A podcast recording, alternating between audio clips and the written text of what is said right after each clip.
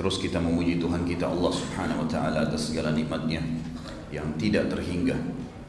Bagi dalam diri kita sendiri seperti mata masih bisa melihat cahaya, menangkap cahaya sehingga melihat, telinga masih bisa menangkap suara sehingga mendengar. Seluruh darah kita masih mengalir di urat-urat sarafnya, daging dan otot masih melekat di tulang-tulangnya dan tulang masih dikuatkan dengan sum-sum-sum-sumnya. Dan juga seluruh energi yang tidak ada batas di dalam tubuh kita sehingga kita bisa beraktivitas. Ini sebuah nikmat yang tidak terhingga. Dan juga di luar tubuh kita luar biasa air walaupun kemarau masih bisa mandi, cuci baju, masak makanan. Dan juga dari sisi lain oksigen yang tidak pernah habis dan terlalu banyak nikmat Allah yang tidak bisa terhitung sayur-sayuran tidak pernah kosong di pasar kita. Selalu ada saja kalau mau makan. Kemudian hewan-hewan yang ditunggangi hewan-hewan yang dimakan dagingnya. Luar biasa. Allah mengatakan wa in la tuhsuha. Kalau kalian ingin menghitung-hitung nikmat Allah maka kalian tidak akan mampu menghitungnya. Allah Azza wa sebagai pencipta saudaraku sekalian hanya meminta kita menikmatinya dan mensyukurinya saja. Maka seringlah mengucapkan Alhamdulillah juga kita panjatkan senantiasa salawat dan taslim sebagai sambutan hormat kita kepada satu-satunya guru, kiai, suri, dan kita. Siapa pun yang mengikutinya pasti hidupnya akan bahagia. Dadanya akan lapang, jelas mana panduan hidupnya, mana halal dan haram. Dan juga pada saat meninggal pasti masuk ke dalam surga. Dan siapa pun yang mengingkarinya pasti dadanya akan sesak, tidak tahu mana solusi dari hidupnya atau masalah dalam hidupnya tidak tahu mana halal haram dan pada saat meninggal pasti masuk ke dalam neraka.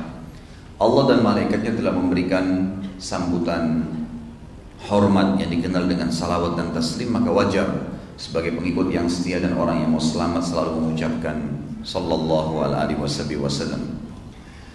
Tentu di awal pertemuan saya mengatakan selamat datang saudaraku seiman di acara kita bahasan yang tidak boleh luput dari setiap muslim dan tentu kalau saya katakan muslim berarti muslim masuk di dalamnya. Kisah heroik para sahabat, pahlawan kita. Yang luar biasa, yang paling pantas untuk dipelajari sejarah hidup mereka, dikenal biografi mereka, ditangkap hobi-hobi mereka dan dijadikan sebagai hobi kita. Orang-orang yang sudah sukses secara dunia, sukses secara akhirat, memiliki banyak sekali kelebihan-kelebihan yang sudah semestinya jadikan sebagai idola. Para sahabat ini orang-orang yang luar biasa. Orang-orang yang menemui Nabi Shallallahu Alaihi Wasallam manusia yang paling sempurna, Rasul penutup, sebagaimana sabda Nabi Shallallahu Alaihi Wasallam, "Ana sayyidu wala Adam wala fakhr." Dalam hadis sahih saya pemimpin anak Adam dan tidak ada kesombongan pada hal itu. Sahabat-sahabat ini definisinya adalah orang-orang yang melihat Nabi SAW dengan mata kepala mereka, lalu beriman pada Nabi SAW dan meninggal dalam keadaan keyakinan tersebut. Kalau kita sempat bertemu dengan presiden sekali saja, atau siapa kira-kira yang ditokohkan di masyarakat, saya yakin kita akan mengenang seumur hidup kita. Saya pernah bertemu dengan presiden Indonesia di istana diundang. Walaupun hanya salaman mungkin, kita akan mengenang seumur hidup kita. Bagaimana dengan orang yang bertemu dengan manusia yang terbaik Muhammad sallallahu alaihi wasallam? Mereka adalah orang-orang pilihan dan memang Allah mengetahui hati-hati mereka. Saya malah berpikir kalau kita ini hidup di zaman Nabi sallallahu alaihi wasallam tidak tahu apakah bisa menjadi sahabat atau tidak. Orang-orang yang luar biasa di zaman tidak ada media, tidak ada fasilitas seperti sekarang, Al-Quran masih dalam proses turun yang menyampaikannya buta huruf nggak bisa baca nggak bisa nulis. Di kota yang terpojok ya, sangat jauh terpencil tidak ada apa-apa padang pasir. Lalu kemudian mereka beriman mereka meyakini mereka menjalankan dan mempertahankan sampai meninggal ini luar biasa. Saya setiap kali membuka lembaran para sahabat ini sekarang kadang menetesin air mata sendiri. Melihat bagaimana mereka bisa beriman pada saat itu. Sekarang kita lahir Masjid sudah banyak, Quran sudah sempurna dalam bahasa Indonesia lagi, gitu. Sudah lengkap, buku-buku hadis Nabi banyak. Hadis-hadis semua sudah diterjemahkan dari Sahih Bukhari, Sahih Muslim, banyak penuh. Tinggal beli aja bukunya. Ceramah tinggal hadir saja. Dai-dai Masya Allah banyak sekali yang menyampaikan. Nggak ada sesuatu lagi. Bimbang sedikit tinggal tanya Ustadz gimana hukumnya. Selesai jawabannya sudah ada. Zaman itu luar biasa. Masih dalam proses. Tapi mereka bisa beriman saudaraku. Dan para sahabat ini adalah orang-orang yang memiliki ciri khas. Mereka berpegang pada kebenaran dan sekali tahu itu kebenaran sudah nggak ada keraguan di dalamnya. Karena memang tidak mungkin bercampur baur antara kebenaran dengan kebatilan. Pasti benar atau salah. Malam atau siang gitu kan muda atau tua, memang berada di antara itu saja. Tidak mungkin bercampur satu sama yang lain. Itu harus difahami benar-benar. Jadi tidak mungkin kebenaran itu diikuti dengan sedikit kebatilan, nggak bisa. Itu sudah cukup menodai kebenaran itu. Jadi mereka berpegang pada benar ya benar sekalian. Sebagaimana pernah saya titip beratkan teman-teman sekalian, camkan baik-baik itu. Di muka bumi ini cuma ada dua jalan, tidak ada jalan yang ketiga dan tidak bisa dicampur baurkan. Jalannya Allah Azza wa pencipta langit dan bumi ini dan kita sudah ikrarkan la ilaha illallah la ma'budu bihaqqin illallah tidak ada yang layak tidak ada yang pantas ya, yang berhak disembah yang dipatuhi kecuali Allah Subhanahu wa taala. Itu jalannya Allah disampaikan dan juru bicaranya adalah para nabi-nabi. Dan kita sekarang menjadi umat nabi yang terakhir nabi yang paling sempurna diutus untuk seluruh ya, manusia dan jin tidak terkecuali. Dan juru-juru bicara yang melanjutkan dari Nabi Muhammad SAW adalah para ulama dan dai-dai. Ini jalan yang benar. Hada siratul mustaqim. Ini jalan yang lurus. Pertahankan, pegang itu sampai mati apa pun tantangannya. Nikmatin apa yang dihalalkan, tinggalkan apa yang diharam, meninggal masuk surga dan surga yang dijanjikan abadi. Gak ada sesuatu keraguan di dalamnya. Allah selalu mengatakan la raiba fi, la raiba fi. Tidak ada keraguan di dalamnya, tidak ada keraguan di dalamnya. Dan jalan kedua teman-teman sekalian, jalan syaitan, iblis. Ini jalan sesat, pasti ke neraka. Juru bicaranya dukun, penyihir, penyamun, peramal, dan ahli maksiat. Anda kalau berteman sama mereka pasti diajak ke jalan syaitan. Berteman sama orang yang suka berzina tiap malam di, di diskotik, di bar, di karaoke dan segala, maka mereka akan berbicara tentang bagaimana menyeret Anda ke situ. Akhirnya ke jalan syaitan dan pasti ujungnya neraka dan tidak bisa disatukan, tidak bisa disatukan, mustahil. Sekalian di jalan Allah atau sekalian jalan syaitan. Kalau ada orang di tengah-tengah nggak bisa nih, nggak mungkin. Kita juga punya istilah dalam agama kita ada halal ada haram. Kata Nabi SAW yang halal jelas, yang haram jelas. Di antaranya ada, ada masalah yang mungkin samar-samar. Tapi apa kata Nabi? Siapa yang menyelamatkan dirinya dari hal yang samar-samar, dia telah menyelamatkan kehormatan dirinya dan agamanya. Dan siapa yang menjerumuskan dirinya pada yang samar-samar, udah tahu nih, ini halal atau enggak ya. Terus dia sengaja jurumuskan dirinya pada itu, dia telah menjurumuskan dirinya pada yang haram. Kata ulama hadis apa? Maknanya yang samar-samar itu masuk dalam haram. Gak ada lagi jalan tengah berarti hal, halal atau haram. Syubhat itu masuk kepada hal yang haram. Seperti pengembala domba yang membawa domba-dombanya ke padang pasir, kemudian eh, maaf, yang membawa dombanya ke ladang yang luas dan rumput-rumput ladangnya itu lebih tinggi daripada dombanya sehingga dia tidak tahu domba mana yang dicuri oleh serigala. Itulah orang yang tidak jelas. Sebentar jalan Allah, sebentar sholat tapi sebentar juga bermaksiat. Ini nggak jelas, gitu kan? Ini masuk kepada perbuatan yang haramnya nanti mendominasi dia, otomatis. Maka harus difahami dan ini yang dipegang oleh para sahabat. Ini ciri khas. Tinggal kita ikutin, menjadikan mereka sebagai kudua kita akan bersama mereka, bukan mustahil. Para sahabat, saudaraku sekalian, sangat memahami firman Allah Subhanahu wa taala saya tertarik untuk menyampaikan firman Allah ini karena saya tahu sahabat betul-betul berpegang pada ini. Dan saya coba secara pribadi, coba semaksimal mungkin saya akan jalankan bersama mereka dan saya harap tentu Anda semua sama gitu. Dalam surah Saf, Allah Subhanahu wa taala menceritakan dan menggambarkan surah nomor 61 ayat 6 sampai akhir surah tepatnya ayat 14. أعوذ بالله من الشيطان الرجيم. وإذ قال عيسى ابن مريم يا بني إسرائيل إني رسول الله إليكم مصدقا لما بين يدي من التوراة ومبشرا. مصدقا لما بين يدي من التوراة ومبشرا برسول يأتي من بعد اسمه أحمد. فلما جاءهم بالبينات قالوا هذا سحر مبين.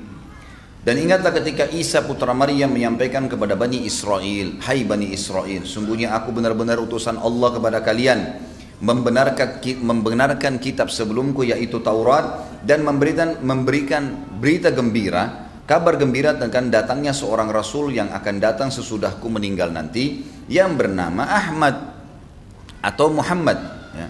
maka tak rasul itu datang mereka dengan membawa bukti-bukti yang nyata mereka masih berkata ini adalah sihir yang nyata Lalu Allah mengatakan ayat tujuhnya, "Wa man adzlam mimman iftara 'ala Allahi al-kadhiba wa huwa yud'a ila al-Islam, wallahu la yahdi al-qawma adh-dhalimin." Dan siapakah yang lebih zalim, bodoh ya. Kalau zalim itu bahasa kita langsung saja bodoh dia, gitu kan. Tidak mengerti. Daripada orang yang mengada-ngadakan dusta terhadap Allah sedang dia diajak kepada Islam. Masih nolak Islam itu kenapa? Alasannya apa? Menolak mengerjakan apa yang diperintahkan Allah itu alasannya apa dan memilih jalan syaitan itu alasannya apa Gak ada alasan. Orang yang patuh pada Allah hidupnya bahagia. Orang yang beriman makan, minum, tidur, bernafas, semua aktivitas bisa dilakukan. Bahkan mereka punya panduan hidup dan mendapatkan balasan-balasan terhadap perbuatan mereka dan meninggal masuk surga. Orang yang berbuat durhaka jelas sempit hidupnya karena Allah ancamkan dengan hukuman-hukuman dan pada saat meninggal tidak taubat juga memang akan masuk ke neraka. Neraka juga sudah dirincikan semuanya. Wallahu la yahdil qawmal zalimin. Allah tidak akan memberikan petunjuk orang-orang yang zalim. Kata ulama adalah orang-orang yang bodoh, tahu kebenaran tapi tidak mau diikutin. Lalu para sahabat faham benar ayat setelahnya juga ayat 8 yuriduna liyutfi'u nurallahi biafwahihim wallahu mutimmu nurihi walau karihal kafirun. Mereka ingin memadamkan cahaya Allah dengan mulut dan tipu daya mereka. Tapi Allah justru menyempurnakan cahayanya walaupun orang-orang kafir membencinya. Udah ini kebenaran. Mau seluruh dunia benci, ini benar Islam. Ini Allah benar ada, Rasulullah SAW benar diutus. Walaupun orang kafir semuanya benci, saya nggak peduli. Jadi para sahabat berpegang pada itu. Dan ini semestinya setiap orang beriman berpegang padanya. Ayat sembilannya, Huwa alladhi arsala rasulahu bil huda wa dinil haqqi liyudhhirahu ala dini kullihi walau karihal musyrikun. Dialah yang telah mengutus rasulnya, Allah subhanahu wa ta'ala telah mengutus rasulnya dengan membawa petunjuk dan agama yang benar agar dia Allah memenangkan di atas segala agama-agama meskipun orang-orang musyrik membencinya. Tidak mungkin ada yang bisa mengalahkan agama Islam, mustahil. Allah menjanjikan dan itu kebenaran. Antum mempertahankan ini, Anda pertahankan agama Islam, Anda akan menang, pasti, nggak mungkin tidak. Sudah ada secara histori kita tahu kok para sahabat menang, gitu kan? Nanti di antaranya kita akan singgung dalam beberapa pertemuan dalam pertemuan kita dalam beberapa poin nanti bagaimana Islam memang menyebar karena memang keyakinan ini para sahabat yakin dengan kebenarannya. Kemudian ayat 10-nya ya ayyuhalladzina amanu hal adullukum ala tijaratin tunjikum min adzabin alim. Hai orang-orang yang beriman. Jadi yang paling pertama diajak ngomong oleh Allah ini sebenarnya adalah para sahabat. Karena ayat turun pada mereka dan akhirnya kita-kita ini yang mengikuti para sahabat akan mendapatkan hal yang sama. Maukah aku tunjukkan, hai orang yang beriman, maukah aku tunjukkan kepada kalian perniagaan yang dapat menyelamatkan kalian dari azab yang pedih? Rasulihi wa tujahiduna fi sabilillahi bi amwalikum wa anfusikum dzalikum khairul lakum in kuntum ta'lamun. Kalian beriman kepada Allah, yakin Allah ada, patuhi semua perintahnya, hal, wajib atau sunnah, yang halal nikmatin, yang dilarang olehnya, haram atau makruh ditinggalkan, maka pastilah kalian beriman kepada Allah dan Rasulnya ikuti semua ajaran Nabi SAW serta berjihad di jalan Allah dengan harta dan jiwa kalian itulah yang lebih baik bagi kalian jika kalian mengetahuinya. Semua akan habis tuh. Ya urusan-urusan dunia ini akan kita lupakan semua kalau kita sudah berpegang pada tiga hal. Beriman pada Allah beriman pada Rasulnya dan berjihad di jalan Allah. Manfaatnya kata Allah di ayat 12 nya yakfir lakum dunubakum ويدخلكم جنات تجري من تحتها الأنهار ومساكن طيبة في جنات عدن ذلك الفوز العظيم niscaya Allah akan mengampuni dosa-dosa kalian kalau ada kesalahan dan memasukkan kalian ke dalam jannah surga setelah kalian meninggal yang mengalir di bawahnya sungai-sungai dan memasukkan kalian ke tempat-tempat yang baik yang memuaskan kalian di dalam surga Aden. Nah, satu nama surga adalah Aden. Itulah keberuntungan yang besar ayat 13 ini 14 ayat saja dalam surah Saf. Wa ukhra tuhibbunaha nasrun minallahi wa fathun qarib wa basyiril mu'minin. Dan ada lagi karunia yang yang lain yang kalian akan sukai yaitu pertolongan Allah. Pada saat kalian menolong agama Allah pasti Allah akan berikan kepada kalian kemenangan yang dekat. Dan sampaikanlah berita gembira kepada orang-orang yang beriman Ayat 14-nya ya ayyuhalladzina amanu hai orang-orang yang beriman kunu ansarallahi kama qala Isa bin Maryam lil hawariyin man ansari ila Allah seperti pada saat Isa berkata kepada Hawariyun, sahabat-sahabatnya Nabi Isa dikatakan Hawariyun. Siapakah yang menjadi penolong-penolong agama Allah? Qala al-hawariyun nahnu ansarullah. Para Hawariyun berkata kami adalah penolong-penolong agama Allah. Fa'amanat ta'ifatum min bani Israel kafarat ta'ifah. Lalu sebagian mereka ada yang beriman dari Bani Israel dan sebagian mereka kufur.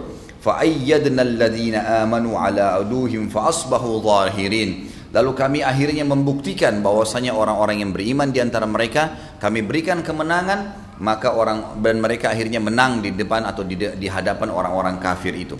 Para sahabat sangat memahami ayat-ayat seperti ini saudaraku sekalian. Inilah yang membuat asas mereka sangat yakin ini kebenaran dan ini dari Allah Subhanahu wa taala.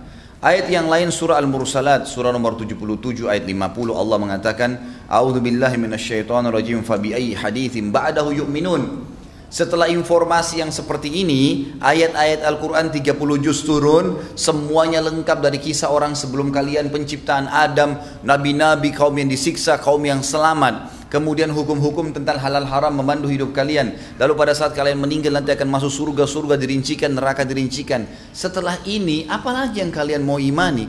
Ada sesuatu yang kalian bisa dapatkan lebih baik daripada ini? Dapat informasi lengkap tentang kehidupan awal manusia sampai akhir manusia panduan hidup mana boleh mana tidak boleh, balasan-balasan yang akan didapatkan karena kepatuhan dan ancaman bagi yang melanggar, kemudian masuk ke dalam surga dirincikan, surga dirincikan juga neraka. Maka ini apalagi yang ingin diimani setelah itu? Kejahilan apalagi yang ada gitu. Allah juga mengatakan di dalam surah Al-Jathiyah surah nomor 46 ya, ayat 6 surah nomor 45 ayat 6 A'udzu billahi minasyaitonir rajim. Tilka ayatullah natluha 'alaika bil haqq. Fabi ayyi haditsin ba'dallahi wa ayati yu'minun. Inilah ayat-ayat Allah yang dibacakan kepada kalian dengan benar dan turun kepada Muhammad dengan benar. Maka setelah informasi dari Allah ini dan ayat-ayatnya, apalagi yang mereka mau pegangin? Kalau ini saja mereka tidak mau ikutin, apalagi? Enggak ada lagi. Kemudian dalam surah An-Nisa urutan 4 ayat 87 ini semua ayat-ayat yang pega, dipegang oleh para sahabat nih sehingga mereka kokoh dalam prinsip mereka mempertahankan agama ini sebagai kebenaran sampai mereka meninggal. An-Nisa urutan 4 ayat 87 Allah berfirman A'udzubillahi minasyaitonirrajim Allahu la ilaha illahu Allah yang tidak ada Tuhan yang berhak disembah Enggak perlu cari Tuhan lain Yang menciptakan langit, bumi, udara, air, batu, tumbuh-tumbuhan Yang kelihatan dan tidak kelihatan oleh mata kalian Allah yang tidak ada Tuhan sesembahan yang berhak kecuali Dia. La yajma'annakum ila yaumil qiyamati la raiba. Dia pasti akan mengumpulkan kalian pada hari kiamat nanti tidak ada keraguan di dalamnya. Wa man asdaqu minallahi haditha. Siapakah yang lebih pantas dipercaya pembicaraannya dari Allah? Surah An-Nisa juga dalil yang terakhir adalah Surah nomor 4 ayat 122. Tentu masih banyak ayat-ayat lain tapi ini saya coba cuplik beberapa ayat yang terlintas di benak saya. Saya coba telusurin apa sih asasnya sahabat ini sampai bisa luar biasa pada saat itu ya. Berkorban hartanya, jiwanya, luar biasa sampai meninggal mempertahankan semua itu. Mereka menyebarkan agama Islam ke mana-mana. Semua nanti kita akan lihat ada peperangan yang, yang hadiri oleh Sa'id bin Zaid radhiyallahu anhu. Itu luar biasa gitu mendorong mereka menyebarkan kebenaran ini tidak ada keraguan karena tahu benar janji-janji Allah ini. Dalam surah Nisa 122 Allah berfirman A'udzubillahi minasyaitonirrajim walladzina amanu. Orang-orang yang beriman mengikuti Islam ini meyakini Allah Tuhannya Rasulullah Muhammad sallallahu alaihi wasallam utusannya mengikuti perintah dan meninggalkan larangannya wa amilus salihan dan melakukan perbuatan-perbuatan yang saleh yang baik. Sanudkhiluhum jannat. Kami pasti akan memasukkan mereka ke dalam surga. Tajri min tahtihal anhar yang mengalir di bawahnya sungai. Khalidina fiha. Mereka akan kekal di sana. Wa'da sidqi. Ya. wa'adallahu wa'adallahi haqqa. Itulah janji Allah yang benar. Wa man asdaqu minallahi qila. Dan siapa yang lebih pantas ya jujur ya atau siapa yang lebih jujur perkataannya daripada Allah Subhanahu wa taala. Inilah teman-teman sekalian ayat-ayat yang dipegang oleh para sahabat. Sehingga memang pada saat kita mempelajari tentang kisah-kisah mereka kita akan temukan aplikasi ayat-ayat ini. Pembenaran tentang Allah, pembenaran tentang Rasulullah SAW menjalankan perintahnya, menolong agama ini, menyebarkannya dan yakin selain Islam pasti batal, tidak diterima dan sesat harus didakwahi, diperangi, didakwahi sampai mereka beriman. Memang harusnya begitu, tidak ada keraguan di dalamnya. Itulah yang membuat mereka akhirnya mengekspansi Islam, mereka memperhatikan Islam, mewariskan turun-temurun kepada turunan mereka. Itu sebab asasnya. Kemudian juga, saudaraku sekalian, saya ingin menitik beratkan para sahabat ini bertingkat-tingkat tentunya. Ada sahabat yang memang dekat sekali dengan Nabi Shallallahu Alaihi Wasallam, punya hubungan kerabat. Seperti kita tahu Abu Bakar dan Umar radhiyallahu anhuma adalah mertua Nabi. Uthman dan Ali radhiyallahu anhu adalah anak mantu Nabi, gitu kan. Tambah lagi Ali radhiyallahu anhu adalah sepupu Nabi sallallahu alaihi wasallam, punya hubungan kerabat. Lalu para sahabat ini saling menikah satu sama yang lain. Bagaimana Umar menikahi Ummu Kalthum anaknya Ali radhiyallahu anhu, gitu kan. Bagaimana Nabi SAW juga menikahi Hafsah dan juga menikahi Aisyah dari anak Abu Bakar dan Umar. Seperti itulah. Jadi mereka punya hubungan yang sangat dekat. Kemudian datang setelahnya dan tentu sahabat yang paling afdal empat orang ini, Khulafaur Rashidin. Datang setelahnya adalah sahabat-sahabat yang sempat menghadiri Badr. Peperangan Badr yang mereka hadiri ini punya kelebihan tersendiri karena Allah mengatakan i'malu ma syi'tum qad ghafarallahu lakum. Berbuatlah apa yang kalian inginkan, Allah sudah ampuni kalaupun kalian berbuat salah setelah Badr. Kemudian juga datang setelahnya para sahabat yang menuntut ilmu. Ada beberapa sahabat yang memang datang ke Madinah ataupun dari penduduk Madinah kerjanya tiap hari cuma mau belajar dari Nabi Shallallahu Alaihi Wasallam. Mau belajar saja. Mereka lah dikenal dengan Ashabus Sufa. Di belakang rumah Nabi Shallallahu Alaihi Wasallam ada ada tempat yang ditinggikan sebuah rumah sebenarnya bangunan sekarang sudah tidak ada sudah masuk bagian masjid di situ ada sahabat-sahabat Nabi yang tinggal untuk menuntut ilmu maka keluarlah seperti Abu Hurairah Anas bin Malik kemudian Abdullah bin Umar, Abdullah bin Abbas, Abdullah bin Amr bin As, Abdullah bin Mas'ud, sahabat-sahabat yang meriwayatkan banyak hadis, Jabir bin Abdullah, mereka-mereka ini memang penuntut ilmu. Jadi di mana Nabi SAW ya keluar mereka ikutin. Apa yang Nabi SAW sedang ucapkan mereka langsung catat, mereka informasikan ke sahabat yang lain, gitu kan? Dan ulama mengatakan ini sebenarnya ashabus sufa ini para penuntut ilmu ini adalah ulamanya para sahabat. Karena banyak sahabat-sahabat yang lain belajar dari mereka belajar dari mereka gitu kan jadi ini poin juga yang perlu difahami gitu kan Kemudian kadang-kadang kalau wahyu turun, Nabi SAW pergi menemui mereka. Lalu kemudian turunlah ayat-ayat disampaikan kepada mereka, lalu mereka nyebarin ayat tersebut. Datang setelahnya, sahabat-sahabat yang datang, kapan Allah mudahkan buat mereka waktunya. Ada sahabat yang bertemu dengan Nabi SAW hanya waktu sholat lima waktu saja. Jadi mereka punya aktivitas di kebunnya, di usahanya, perdagangannya, keluarganya, maka mereka datang sholat bertemu dengan Nabi SAW. Kalau pas lagi ada hadis yang disampaikan wahyu mereka mendengar. Kalau tidak mereka pulang beraktivitas. Datang setelahnya level adalah sahabat yang paling ya di nomor akhirkan oleh para ulama adalah sahabat yang datang hanya datang mengucapkan syahadat seperti waktu terjadi pembebasan kota Mekah. Maka banyak sahabat dengan suku-sukunya, suku Arab yang datang mengucapkan syahadat setelah itu mereka pulang, gitu kan? Ada di antara mereka cuma syahadat sekali, cuma beberapa saat bertemu Nabi SAW lalu pulang sampai mati udah. Maka ini level sahabat yang dianggap di paling bawah, tapi mereka juga tetap sahabat. Mereka juga sahabat. Dari level-level inilah teman-teman sekalian yang saya ingin titik beratkan. Mereka pun bertingkat-tingkat dari sisi kelebihan. Kan? Dari sisi kelebihan. Karena ada sahabat yang menghadiri kejadian bersama Nabi Shallallahu Alaihi Wasallam atau pas mendengarkan langsung hadis Nabi SAW, ada juga yang dengar dari teman-temannya saja, tidak sempat hadir pada saat itu. Itu sering terjadi, itu sering terjadi. Maka mesti difahamin poin ini. Karena pernah di pertemuan kita yang ke-8 sahabat Sa'ad bin Waqqas ada yang bertanya kepada saya, Ustadz kenapa Sa'ad bin Waqqas tidak menonjol dari sisi sodakahnya seperti Uthman bin Affan, seperti Abdurrahman bin Auf? Maka ini alasan kenapa saya sebutkan poin tadi. Karena sahabat bertingkat-tingkat. Tidak semua sahabat sama semua perbuatannya, gitu kan? Ada yang menonjol di sisi jihadnya, ada yang menonjol di sisi sedekahnya, ada yang menonjol memang keseluruhannya, ada. Makanya pada saat saya sampaikan kepada teman-teman, jazakumullah ya teman-teman sahabat sunnah yang sudah menyusun uh, pertemuan kita ini, saya sudah bahasakan setiap kali kita mau tampilkan judul yang akan kita tablik akbarkan bulan depan, saya selalu coba cari tema ya, yang menonjol, yang terkenal dari sahabat itu. Seperti Abu Bakar kita pernah mengatakan menggapai siddiq, derajat siddiq bersama Abu Bakar, gitu kan.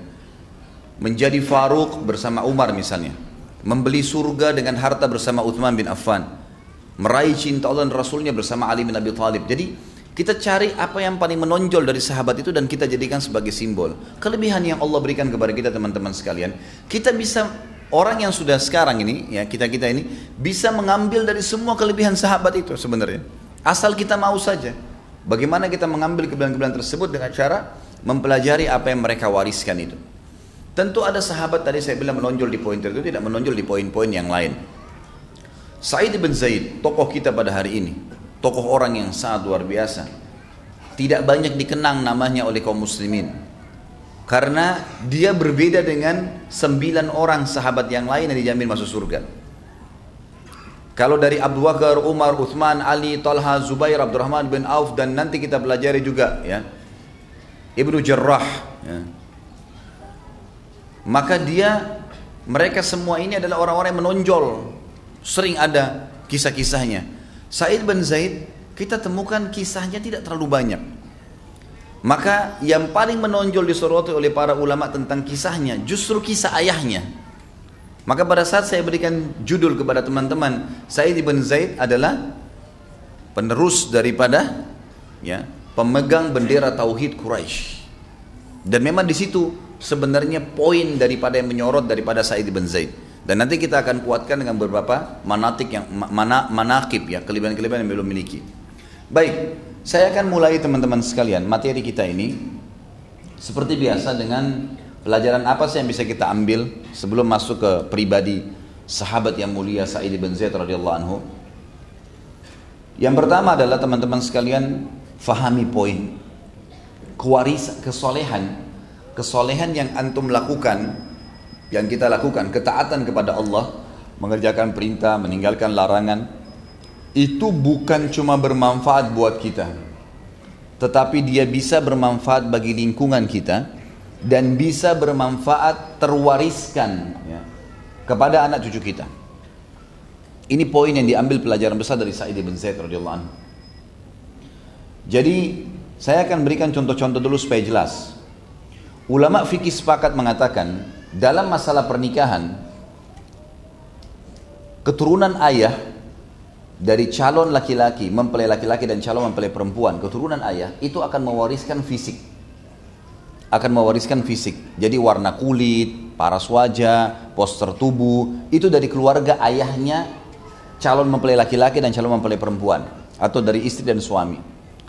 Sementara dari ibu itu akan terwariskan lebih banyak kepada karakter dan sifat secara global. Tentu dia bisa berubah dengan berbaurnya si anak ini nanti atau si uh, manusia ini kepada lingkungannya, ya dengan. Tapi ini yang menonjol. Contohnya adalah hadis Nabi SAW di mana seorang sahabat yang pernah berkulit putih, kemudian istrinya kulit putih lalu berhubunganlah mereka suami istri sembilan bulan kemudian melahirkan istrinya anaknya hitam Lalu suaminya spontan memfonis kalau dia zina. Ini nggak mungkin nih anak saya. Saya putih kamu putih gimana? Ini keluar hitam, gitu kan? Maka sahabat itu istrinya mengatakan demi Allah tidak pernah ada yang sentuh saya kecuali kamu. Maka dia bilang tidak mungkin. Saya akan lapor kepada Nabi SAW. Dilapor kepada Nabi SAW. Begitu tiba di Nabi SAW, Nabi tanya dia, apa kamu pelihara unta nggak? Dia bilang iya ada. Baik, unta kamu yang e, jantan sama betina itu warna apa? Dia bilang coklat kemerah-merahan. Lalu anaknya ada nggak? Ada. Berapa ekor? Sekitar 5 sampai 6 ekor. Apakah semua sama dengan warna orang tuanya? Kata orang tersebut tidak. Ada unta saya malah anaknya yang warnanya coklat tua dan kehitam-hitaman.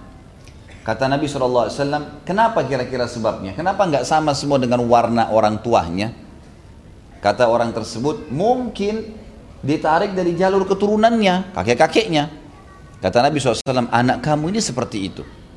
Dalam riwayat lain dikatakan, bahwasanya apa kau punya kakek yang berkulit hitam? Dia bilang iya. Kata Nabi SAW, ini keturunannya itu. Gitu kan. Jadi tidak ada yang perlu dikhawatirkan, gitu kan? Tidak selamanya orang selingkuh, bukan kita biasa temukan ada suami istri, anaknya lahir beda sekali paras wajah dengan mereka, warna kulitnya berbeda, rambutnya berbeda, karena memang ditarik dari jalur keturunan di atas. Gitu kan.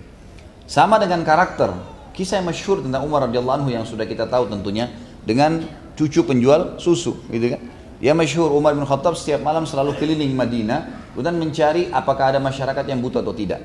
Satu malam beliau lewat di sebelah rumah nenek penjual susu yang sedang bicara sama cucunya sambil berkata, wahai cucuku, susu banyak orderannya sekarang. Lebih baik kita tambah air, campur air saja. Kata cucunya, jangan. Kalau nenek campur itu, maka kalau Amir Mu'minin Umar bin Khattab tahu, kita akan dihukum. Karena sudah ada peraturan, tidak boleh. Gitu kan. Cucunya ini ingin meredam neneknya, lalu neneknya mengatakan ini tengah malam, nggak ada yang tahu. Umar pun tidak tahu. Padahal Umar ada di samping tembok rumah mereka. Lalu perempuan tersebut, si cucu ini tiba-tiba menangis terisak-isak kayak orang yang sedang kesakitan. Sampai neneknya kaget, ada apa dengan kamu? Dia bilang, wahai nenekku, kalau seandainya Umar tidak tahu, bagaimana dengan Tuhannya Umar? Mendengar statement dari perempuan ini, apa yang Umar lakukan dari anhu? Umar pulang ke rumahnya, bangunkan anak-anaknya semua laki-laki, lalu ditawarkan menikah malam itu juga. Gitu kan? Ini kalau udah malam-malam dibangunkan suruh nikah kan luar biasa. Yang laki-laki paling kuat ketawanya ya. Dibangunin suruh nikah. Semuanya diam. Kata Umar, adakah yang mau menikah dengan cucu penjual susu? Gak ada yang nyaut. Dua kali gak ada yang nyaut. Tiga kali gak ada yang nyaut. Kata Umar, kalau gak ada yang mau nikahi, saya akan nikahi. Maka Asim angkat tangan berkata, anak Umar bin Khattab. Ya, tapi ini tidak masuk dalam kalangan sahabat dia karena dia lahir setelah Nabi SAW meninggal.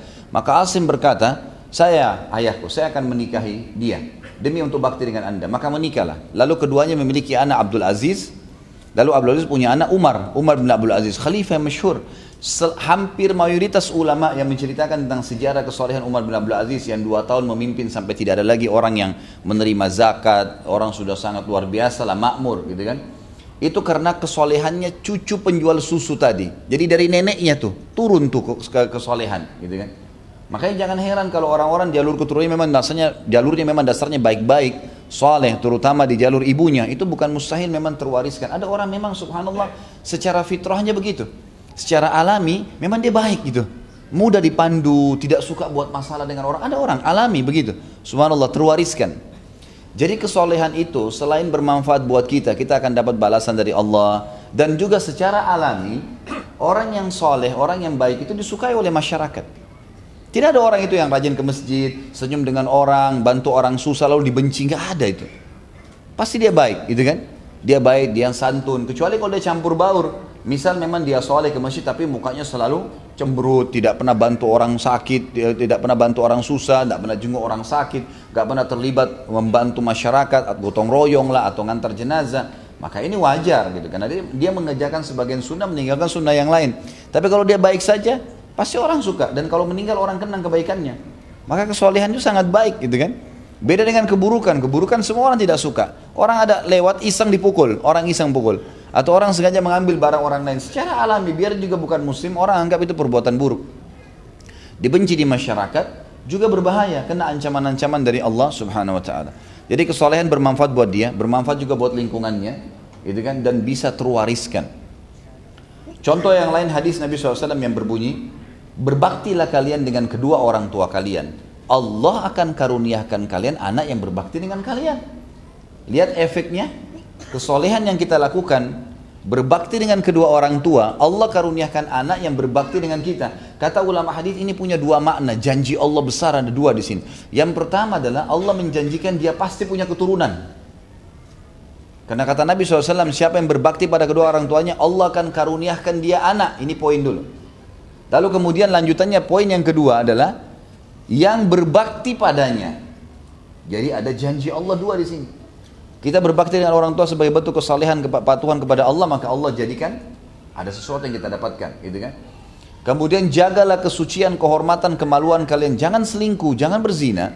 Maka Allah akan jaga juga kesucian, kehormatan, kemaluan pasangan kalian. Jadi ada rentetan itu, gitu kan? Ada hubungannya satu sama yang lain. Maka perlu difahamin nih, gitu kan?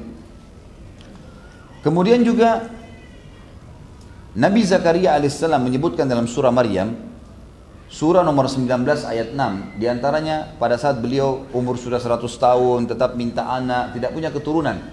Maka bahasa Zakaria gunakan dalam Al-Quran adalah A'udzubillahi minasyaitonirrajim yarithuni wa yarithu min ali yaquba waj'alhu rabbi radiyah Ya Allah kalau kau berikan aku anak itu, manfaatnya sebenarnya yarithuni, warasa yarithu artinya mewarisi saya. Kata ulama tafsir, mewarisi ilmu yang telah engkau berikan ya Allah. kesolehan ini supaya ada yang warisi, ada yang teruskan, ngajarin manusia, gitu kan. Itu maksudnya. Jadi Nabi Zakaria memberikan gambaran kepada kita keturunan ini akan bisa terwariskan kesolehan kepada mereka karena adanya kesolehan orang tuanya. Ini juga maknanya. Kemudian juga banyak kisah-kisah yang berhubungan dengan masalah itu, di mana Umar bin Khattab juga di antaranya pernah keluar pada saat Hafsah bercerai dengan suaminya. Kemudian Hafsah, uh, Umar radhiyallahu anhu menawarkan Hafsah kepada Abu Bakar uh, kepada Uthman dulu. Uthman waktu itu sudah punya anak, sudah punya istri, gitu kan. Umar bin Khattab tidak pergi menawarkan Hafsah kepada laki-laki yang sebaya. Banyak sahabat Nabi, banyak yang lain. Tapi Umar jeli, dia ingin mencari buat pasangan suaminya, ya, eh, pasangan untuk suami anaknya, siapa nanti yang akan meletakkan bibit kesolehan di rahim anaknya nih. Ini gak main-main ini. Kata ulama sampai sperma itu berpengaruh. Itulah sebabnya kenapa para sahabat hati-hati memilih. Dan ini sesuai dengan sabda Nabi SAW, takhayyalu linutafikum. Pilih tempat kalian meletakkan benih kalian. Setetes sperma yang salah dimasukkan ke rahim wanita yang fasikah, yang buruk, maka sudah cukup untuk membuat perempuan itu menjadi ibu anak tersebut selamanya. Seburuk apa pun dia. Setetes sperma yang salah diletakkan di rahim seorang wanita yang soleh dari laki-laki yang fasik, sudah cukup membuat laki-laki fasik itu menjadi ayahnya selamanya nisbat maka hati-hati sekalian Umar keluar mendatangi Uthman ngetuk rumahnya dan ini ulama mengatakan tidak aib kalau seseorang menawarkan anak perempuannya anak laki-lakinya untuk menikah dengan orang-orang yang saleh. Diketuk rumahnya Uthman. Wahai Uthman sudah berikan salam salam lalu kemudian mengatakan Hafsah layak jadi istri nikahi dia. Lalu Uthman mengatakan saya butuh waktu berpikir. Berhari kemudian lalu dia berikan jawaban dia mengatakan maaf Umar saya tidak punya hajat sekarang. Lalu kemudian Umar berpikir berpikir dengan sangat ya serius nih kata para ulama. Bagaimana dia dapatkan pasangan yang saleh buat anaknya. Dia datangnya Abu Bakar. Wahai Abu Bakar Hafsah jadi istri nikahilah. Lalu Abu Bakar terdiam tidak memberikan jawaban kepada Umar sama sekali sampai tiga hari. Hari keempat datang lamaran Nabi Shallallahu Alaihi Wasallam untuk Hafsah. Jadi Umar bin Khattab selama tiga malam berdoa terus sholat tahajud untuk memberikan jodoh yang saleh buat eh, anaknya. Lalu datang lamaran Nabi SAW. Pada saat menikah, Nabi SAW dengan Hafsah, Abu Bakar mendekati Umar sambil berkata, Wahai Umar, apakah kau tahu kenapa saya tidak berikan jawaban untukmu tentang Hafsah? Saya terdiam tiga hari. Padahal saya mau menikahi Hafsah, kata Abu Bakar. Gitu kan? Karena saya mendengar Nabi SAW menyebut-nyebut nama Hafsah, maka saya tahu beliau menginginkannya. Maka sebagai adab, saya tidak mau melangkahi Nabi SAW. Gitu kan? Tapi kita ambil pelajaran bagaimana mereka sangat faham kesolehan bisa terwariskan. Ini penting sekali. Penting sekali untuk dipahami. Makanya jangan salah memilih pasangan. Kita ambil pelajaran dari Sa'id bin Zaid radhiyallahu anhu ini dari ayahnya. Ayahnya ini seseorang yang bernama Zaid bin Amr bin Nufail. Zaid bin Amr bin Nufail. Orang ini cukuplah sebuah hadis Nabi yang berbunyi pada saat Sa'id ibn Zaid anaknya sudah beriman pada Nabi SAW Umar bin Khattab yang merupakan keponakan Zaid karena Umar bin Khattab adalah sepupunya Sa'id ibn Zaid yang sedang kita bahas nih ayah mereka bersaudara pada saat Zaid sudah meninggal dunia belum sempat beriman kepada Nabi SAW mereka berdua berkata Ya Rasulullah, bolehkah kami beristighfar, memohon ampun dan rahmat buat Zaid ibn Amr bin Nufail? buat ayahnya si Said nih, Said yang sedang kita bahas nih. Kata Umar berkata kepada Nabi SAW bersama dengan Saidnya sendiri. Maka Nabi SAW mengatakan tentu saja. Karena sesungguhnya dia, si Zaid akan dibangkitkan sebagai satu umat sendiri hari kiamat. Sendirian, satu umat. Apa nih kisahnya Zaid? Bagaimana ceritanya? Dalam buku yang sedang kita bedah ini panjang lebar diceritakan sampai 2-3 lembar khusus menceritakan tentang kisah si Zaid ini. Ternyata saudaraku seiman, di Mekah itu pada zaman itu sudah mulai sudah mulai luar biasa lah ya. E, penyimpangan dari agama Nabi Ibrahim alaihissalam itu sudah sangat jauh. Mereka sudah mulai menyembah berhala-berhala dan ada di dalam sirah Nabawiyah saya sudah jelaskan orang yang paling pertama masukkan berhala di Jazirah Arab namanya Amr bin Luhai. Amr bin Luhai ini orang dari suku Huza'ah yang datang merampas Mekah dari suku Jurhum. Jadi suku Jurhum pertama di Mekah Itulah suku yang datang bergabung bersama Hajar dan Ismail alaihi lalu kemudian jadilah penduduk Mekah. Suku Huza'a datang merebut itu dengan kekuatan sampai akhirnya suku, sumur Zamzam ditutup oleh suku Jurhum dan suku Huza'a berkuasa. Salah satu raja mereka namanya Amr bin Luhai. Kata Nabi SAW, Allah memperlihatkan saya Amr bin Luhai di neraka, isi perutnya sedang keluar. Karena sedang disiksa oleh Allah SWT, dia yang paling pertama mengubah ajaran Ibrahim AS. Dia memasukkan berhala-berhala gitu kan. Jadi dia pernah pergi ke negeri Syam, dia ketemu dengan beberapa suku Amalik yang sedang menyembah berhala, lalu dia tanya, kenapa kalian sembah? Apa yang kalian lakukan nih? Kata suku Amalik, kami sedang uh, menyembah, meminta kepada patung-patung ini, inilah Tuhan-Tuhan kami dan mendekatkan kami kepada Allah. Inilah yang memberikan makan kami kalau kami lapar, memberikan kami minum kalau kami haus dan seterusnya.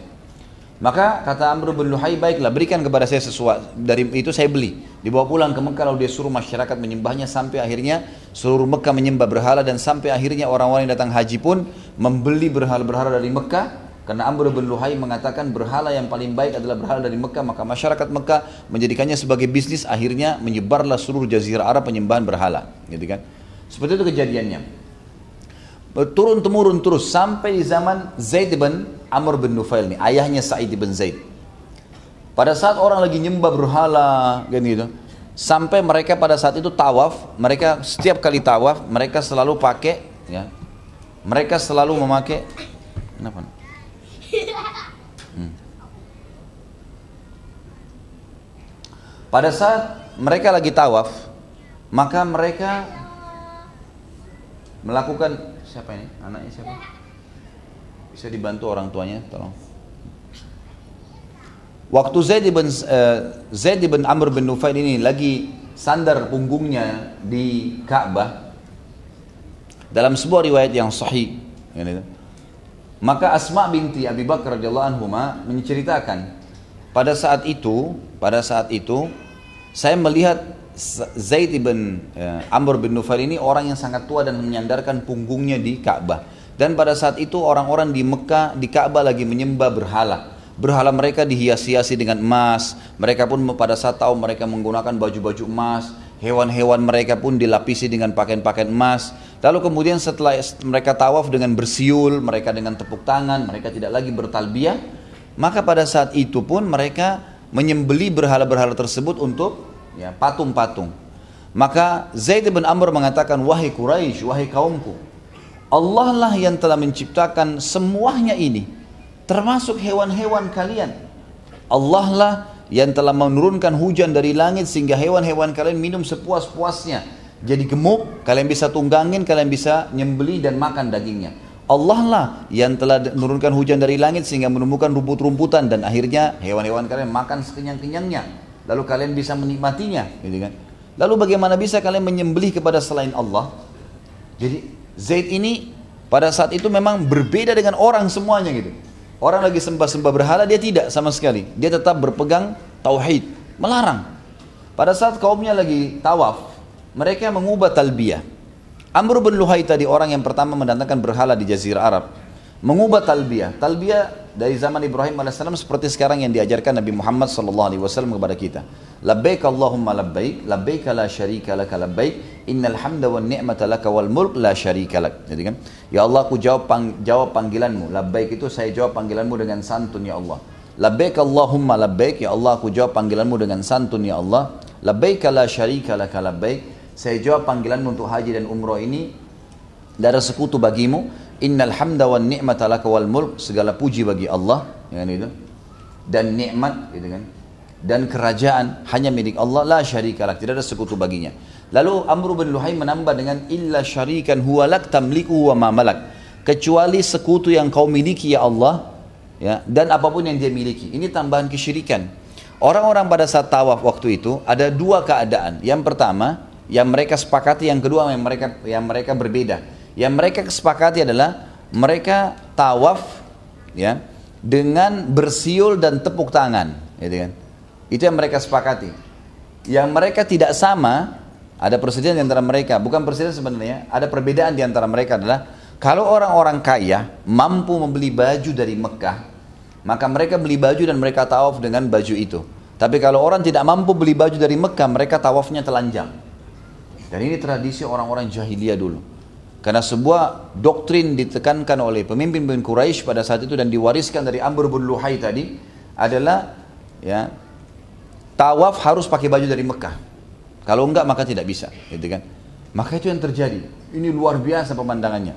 Amru uh, Zaid bin Amr bin Nufail uh, rahimahullah, beliau sambil tawaf setiap hari kalau tawaf kaumnya selalu dilewatin. Kalau orang sudah bilang la syarikalak talbiyahnya, begitu mau tambah illa syarikan illa syarikan huwa lak tamliku wa ma malak, kalimat syirik beliau mengatakan kafa kafa, cukup cukup, jangan ditambah lagi gitu kan. Cukup sampai situ. Jadi dia berdakwah. Ini sebelum Nabi SAW berutus jadi Nabi nih. Jadi dia sudah berdakwah tauhid pada saat itu. Ya. Jadi luar biasa orang ini gitu kan. Dia sudah bisa mempertahankan masalah-masalah seperti ini. Kemudian orang-orang Quraisy terbiasa membunuh anak-anak perempuan mereka. Maka setiap kali dia dapat ada orang Quraisy membunuh anak perempuan, dia selalu datangin. Dia bilang, tidak usah bunuh, berikan kepada saya, biar saya yang besarkan. Jadi diambil anak perempuan itu. Dibiayai sama dia sampai besar. Begitu besar didatangi ayahnya. Kamu ambil kembali anakmu enggak? Kalau mau silakan ambil, saya sudah rawat, tidak apa-apa. Kalau tidak mau kembalikan kepada saya. Jadi itu kerjanya banyak sekali. Dia punya penampungan anak-anak perempuan di Mekah penuh. Jumlahnya luar biasa, tidak disebutkan lagi tapi banyak sekali. Karena setiap lahir anak perempuan pasti sudah menjadi tradisi mereka membunuhnya. Jadi kan? Ini Allah sudah ceritakan juga di dalam Al-Quran. Tapi inilah perilaku Zaid bin Namr bin Nufail. Kemudian yang paling unik adalah dari ceritanya bagaimana beliau rahimahullah mencari kebenaran agama. Jadi Amr Zaid bin Amr bin Nufail ini bersama dengan beberapa temannya termasuk teman dekatnya adalah Waraka bin Naufal. Waraka bin Naufal ini masih sepupunya Khadijah radhiyallahu anha yang pada saat Nabi SAW pertama menerima wahyu Iqra bismi rabbikal ladzi khalaq kan oleh Khadijah diajak Nabi SAW bertemu dengan sepupunya yang bernama Waraka bin Naufal waktu itu beragama Nasrani Waraka bin Naufal ini berkata kepada Nabi SAW waktu Nabi ceritakan, kata dia Allahu Akbar yang telah datang kepada kau hai Muhammad adalah namusul akbar, Jibril. Istilah Jibril itu namusul akbar, hewan, maksudnya bukan hewan, makhluk yang bersayap, gitu kan, yang besar. Yang telah datang kepada Musa, kau pasti akan menjadi nabi. Dan kalau seandainya saya masih hidup pada saat kau diutus nanti, maka saya pasti menjadi pendukungmu. Pada saat itu enam bulan fase penobatan penobatan Nabi SAW jadi Nabi, Waraka bin meninggal dunia. Dan kata Nabi SAW, Waraka bin di surga. Karena dia sudah menyatakan kalau nanti kau diutus jadi Nabi resmi, saya akan menjadi pengikutmu, gitu kan? Pada saat terutama kaum mengeluarkanmu dari Madinah. Waraka bin ini bersahabat dekat sekali sama Zaid bin Amr. Zaid bin Amr ini ayahnya Said nih. Mereka duduk kumpul-kumpul dengan ada lagi tentunya yang lainnya ya. Ada uh, uh, Ubaidillah Abdullah bin Jahash dan ada beberapa orang yang tentu disebutkan nama-namanya seperti Uthman bin Huwairith kemudian uh, Waraka bin Naufal Ubaidillah bin Jahash dan Zaid bin Amr bin Nufail ini. Jadi mereka berempat duduk lalu mereka berkata ini kayaknya kaum kita sudah ngawur nih gitu. Nggak mungkin nih salah jalan mereka gitu kan. Nggak mungkin ini pasti salah jalan maka yang terjadi adalah Waraka bin Naufal pergi mencari satu orang pendeta Nasrani dan akhirnya dia beriman pada Allah SWT melalui risalah Nabi Isa AS yang pada saat itu memang belum ada Nabi Muhammad SAW. Kemudian Ubaidillah bin Jahash dan juga ya, uh, Uthman bin Al-Huwairith ini pergi ya mencari dan mereka pulang tidak tidak mendapatkan pada saat Nabi SAW diutus mereka beriman gitu kan. Kemudian yang yang bahasan kita saksi bahasan Zaid bin Amr bin Nufail. Jadi dia jalan sendiri nih. Jalan kaki dia kelilingi jazirah Arab. Dia tak ta, cari tahu nih mana agama yang mengenal Tuhan namanya Allah. Dari lisan demi lisan tidak ada media, tidak ada transportasi, dia jalan sendiri. Kelilingi semua kampung-kampung sampai dia mencapai tempatnya ahli kitab di negeri Syam. Di negeri Syam ini, Palestina, Syria, Lebanon, semuanya Turki yang dikenal dulu wilayah Bizantium, ya Mesir. Itu semua dulu adalah kerajaan terbesar Nasrani gitu kan. Dia datang ke sana lalu dia menemui pendeta-pendeta di sana. Yang paling pertama dia tanya, siapa di antara agama langit ini yang dianggap mengikuti agama langit? Ada sebagian orang mengatakan orang-orang Yahudi. Siapa pemimpin mereka? Ditunjuklah satu pendeta Yahudi di negeri Syam. Datanglah Zaid bin Amr ke orang Yahudi tersebut lalu dia bertanya, Wahai pendeta saya ingin tanya, agama apa yang kalian sedang anut nih? Lalu pendeta itu menjelaskan tentang agama Yahudi, gitu kan? Pertama mengenal Allah, Nabi Musa pengikutnya dan dan dan di panjang lebar dijelaskan. Setelah Amr, uh, Zaid bin Amr bin Nufail ini faham, lalu dia bilang, bagaimana caranya kalau saya mau ke agama kalian? Jauh ini riwayat Bukhari hadis sahih ya. orang-orang Yahudi, pendeta Yahudi ini berkata pendeta paling pintarnya pada saat itu. Dia mengatakan, wahai Zaid, kalau kau ingin masuk agama Yahudi, kau harus dulu dimurkahi oleh Allah. Kalau kau sudah dimurkahi oleh Allah, kamu taubat, baru kamu bisa masuk Yahudi. Kata Zaid bin Amr, saya tinggalkan Mekah jauh-jauh karena takut dari murkahnya Allah. Saya datang ke sini, kamu suruh saya dimurkahi Allah dulu, gitu kan? Maka ini nggak mungkin gitu, gitu ya. Kata kata pendeta itu, kata pastor Yahudi itu, ya sudah kalau gitu kamu nggak bisa masuk Yahudi, gitu kan? Sudah dia pergi cari. Setelah Yahudi ini agama apa? Nasrani, gitu kan? Pengikut Nabi Isa, dicari pendeta yang paling pintar pada saat itu, didatangin. Lalu kemudian ditanya, bagaimana ya, agama kalian ini dijelaskan panjang lebar, sudah selesai panjang lebar, lalu kemudian dia mengatakan, maaf, tadi waktu berpisah sama pendeta Yahudi itu dia sempat bilang, saya tidak bisa ikut agama kalian ini. Ada agama lain yang kau sarankan? Dia bilang tidak ada agama lain, karena orang-orang Yahudi nolak Nasrani kan. Tidak ada agama lain kecuali kau berpegang pada, pada agama Hanif. Apa itu agama Hanif? Agamanya Ibrahim alaihissalam. Itu agama lurus tuh, tapi sudah hilang tuh agama, nggak ada, nggak ada yang tahu lagi sekarang. Baiklah, dia cari pendeta Nasrani, ketemu pendeta Nasrani. Begitu pendeta, begitu pendeta Nasrani yang paling pintar pada saat itu, dia ceritakanlah, coba sampaikan agama kalian. Agama ini begini, begini panjang lebar. Setelah itu si Zaid berkata, bagaimana kalau saya ingin masuk agama kalian? Kata pendeta ini, gitu kan? Kalau kau mau masuk Nasrani, kau harus sesat dulu. Setelah kau sesat, kau dapat petunjuk, baru kau jadi Nasrani. Kata Zaid bin Amr, saya tinggalkan Mekah karena tidak mau sesat. Di sini saya ikuti agama Allah yang kalian pegangi, lalu saya harus sesat dulu. Gitu kan? Kata si pendeta itu, tidak ada jalan lain. Ini hadis Bukhari menjelaskan. Tidak ada jalan lain. Kata dia, lalu apa saran kamu? Saya mau agama yang lurus. Dia bilang ada agama Hanif. Agama Nabi Ibrahim alaihissalam dulu udah hilang, nggak tahu di mana sekarang. Gitu kan? Maka Zaid pun eh, rahimahullah pulang tinggal di negeri Syam, kembali ke Mekah. Dalam perjalanan, dia sebelum masuk Mekah dia mengatakan, Ya Allah, aku tidak tahu harus menyembahmu seperti apa, tapi aku mengikuti agama yang Hanif itu. Gitu kan. Ajarannya Ibrahim. Subhanallah, sebelum masuk Mekah, ada sekelompok orang-orang Badui, penjahat-penjahat gitu, perampok, ngeroyokin dia akhirnya mati dibunuh, dirampas hartanya mati dibunuh. Dan sebelum dia meninggal dia mengatakan, Ya Allah, kalau seandainya aku tidak bisa mendapatkan agama yang sedang kau inginkan aku dapatkan ini kebenaran, menyembahmu ya Allah, maka jangan haramkan Said anakku. Doanya dia begitu. Maka ulama mengatakan Said kena berkah doa ayahnya nih. Mati terbunuh dan memang subhanallah pada hari dia terbunuh, Nabi SAW diutus di Mekah. Nabi SAW diutus di Mekah. Jadi sebenarnya kalau dia masuk subhanallah dia bisa dapat, tapi begitu takdirnya Allah subhanahu wa ta'ala gitu. Ini kisah perjalanan tauhidnya. Dalam riwayat lain dikatakan dia datang kepada pendeta Yahudi, pendeta Nasrani, lalu mereka mengatakan, ini agama kami. Kalau kau mau cari agama Hanif, gitu kan? Agama Ibrahim. Lalu kata si Zaid, saya tidak tahu di mana saya harus cari. Si pendeta Nasrani sempat mengatakan, kamu dari mana? Dia bilang, saya dari Mekah. Dia bilang, kembalilah di sana, karena akan keluar Nabi terakhir, bernama Ahmad, yang akan melanjutkan agama Ibrahim itu.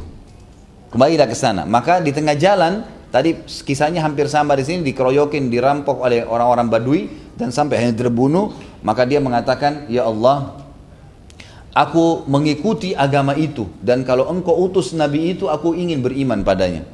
Kalau aku tidak sempat ya Allah, jangan haramkan Said anakku untuk beriman. Maka ini kisahlah kisah daripada ayah Said bin Zaid. Dan ini panjang lebar disebutkan oleh para ulama di dalam hampir semua buku yang saya buka berhubungan dengan masalah kisah Sa'id bin Zaid radhiyallahu anhu ini tidak pernah satupun buku tidak menyebutkan tentang kisah ayahnya. Karena memang yang menonjol dari beliau adalah warisan kesolehan dari ayahnya ini. Gitu kan. Sa'id bin Zaid radhiyallahu anhu hidup di rumah ayahnya. Ayahnya tadi Zaid bin Amr bin Nufail. Satu-satunya orang Quraisy yang bertauhid pada saat itu, gitu kan. Dan Nabi SAW sudah menjamin baginya bahwasanya dia akan dibangkit, dibangkitkan pada hari kiamat ya sebagai satu umat. Dan itu disebutkan dalam riwayat Imam Ahmad dalam musnadnya dan juga dikatakan sanadnya sahih. Pada saat Ibnu Ishaq rahimahullah berkata, aku diberitahukan bahwasanya anaknya Zaid bernama Sa'id bin Zaid bin Amr bin Nufail dan Umar bin Khattab sepupunya berkata kepada Rasulullah SAW, maka apakah kami boleh beristighfar, memohon ampun untuk Zaid ibn Amr? Kata Nabi SAW, Naam, iya. Fa'innahu yub'athu ummatan wahida. Karena dia akan dibangkitkan hari kiamat satu umat sendiri. Kemudian yang kedua, teman-teman sekalian, pelajaran yang kita bisa ambil dari kisah ini adalah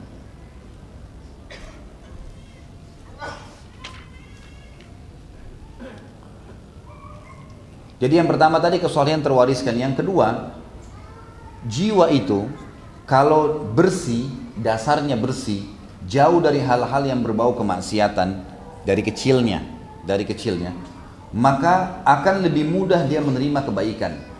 Yang saya ingin titik beratkan di sini teman-teman sekalian, jangan pernah wariskan perbuatan buruk kita kepada anak-anak. Saya kasih contoh gini.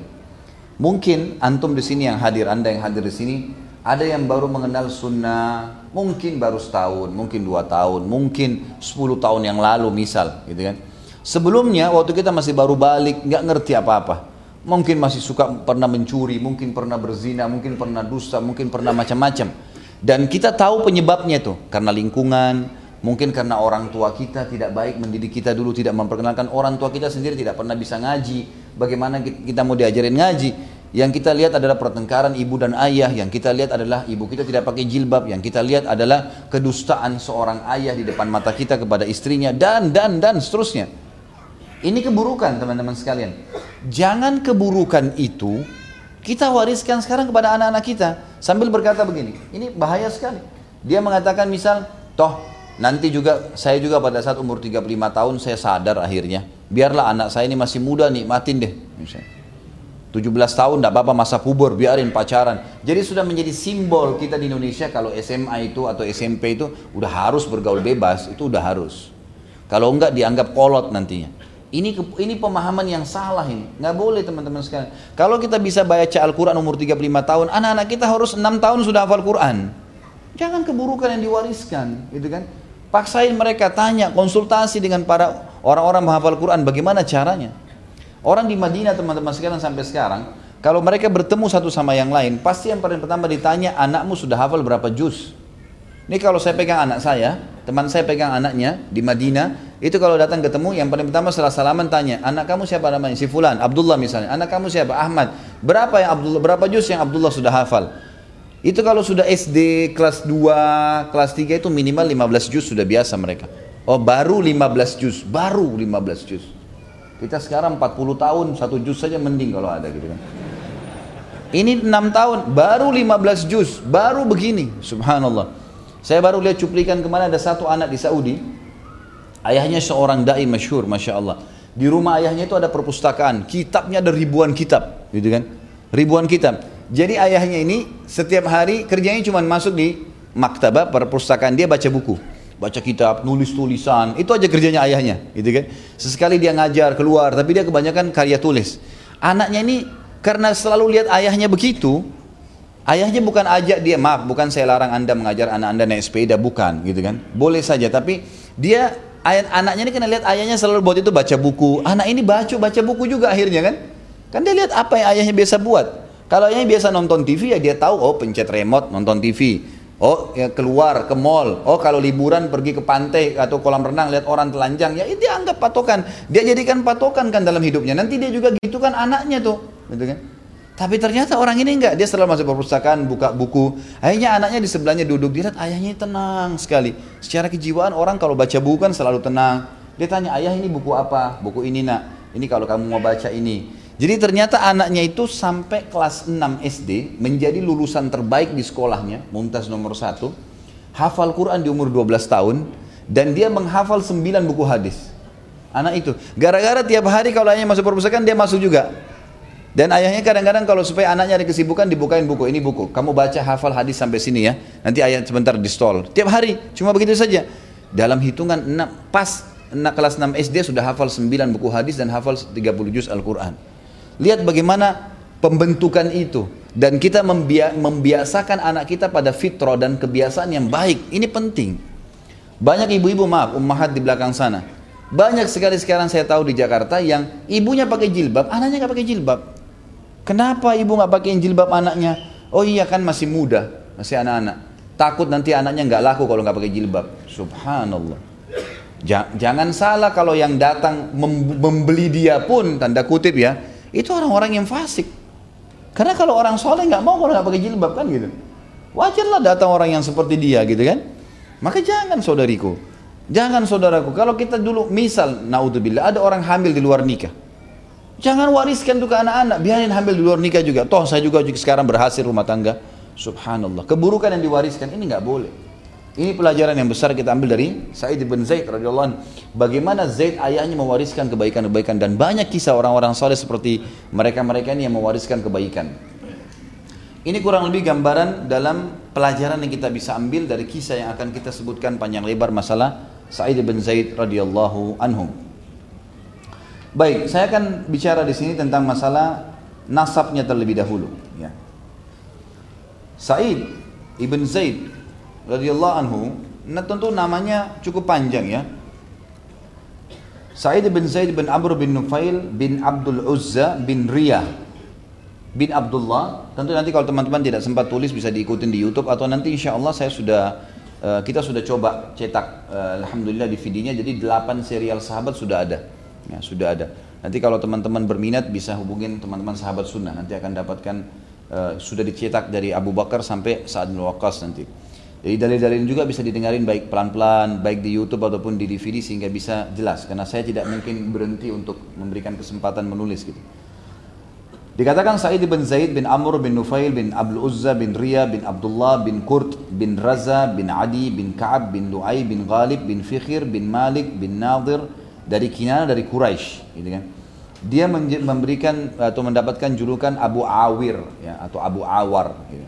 Jadi ini kunianya sebenarnya sebenarnya beliau tidak punya anak namanya Awar ya, tapi sudah terkenal dengan begitu di zaman jahiliyah dan saya tidak temukan di referensi-referensi yang saya baca, saya tidak temukan termasuk di buku kita ini atau buku-buku yang lain tidak ada disebutkan kenapa mendapatkan julukan itu. Nasabnya bertemu dengan Nabi SAW di Ka'ab bin Lu'ay dan beliau adalah sepupu Umar bin Khattab, ayah sama ayah bersaudara. Dia lahir 22 tahun sebelum Hijriah. Jadi dia masuk Islam sebelum 20 tahun umurnya, gitu kan. Istrinya adalah Fatimah binti Khattab, adik kandungnya Umar bin Khattab adik kandungnya Umar bin Khattab ini istrinya Sa'id bin Zaid. Jadi dia menikah dengan sepupunya sendiri. Sementara dari poster tubuh, beliau adalah orang yang seperti Umar bin Khattab. Kebetulan suku Adi ini, sukunya Umar bin Khattab terkenal orangnya kekar-kekar, tinggi besar. Dan Sa'id juga terkenal dengan poster tubuh itu. Dan memang ulama menukil mengatakan dia lebih dekat dengan Umar. Umar radhiyallahu anhu orangnya tinggi besar, kulitnya putih, wajahnya tampan. Memang Said pun seperti itu, ya. Seperti itu keadaan secara fisik.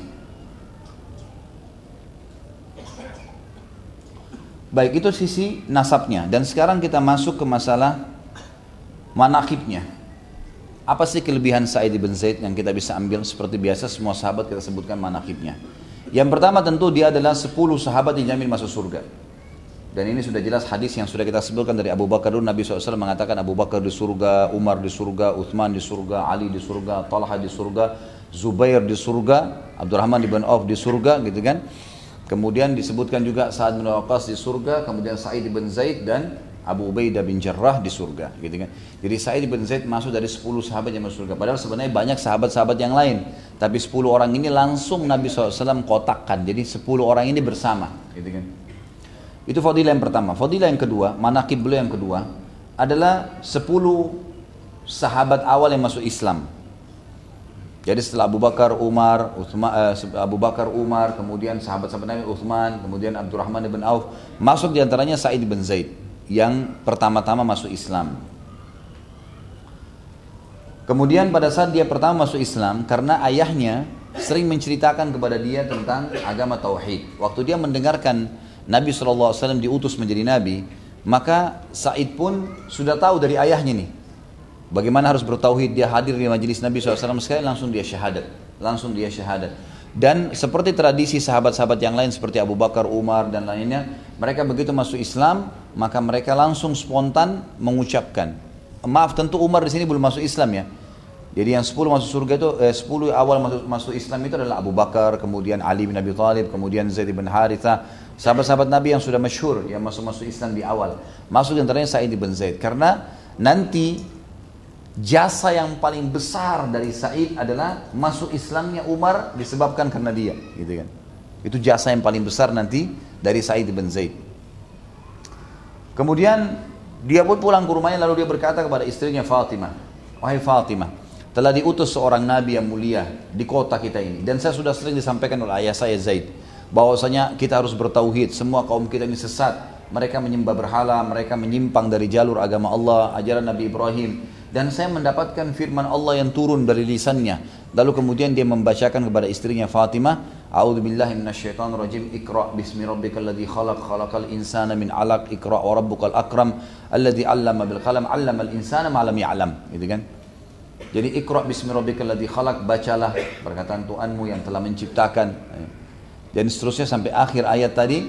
Kemudian Fatimah waktu dengar, Fatimah juga ini Wanita yang baik langsung spontan mengatakan, mulia benar kata-kata itu.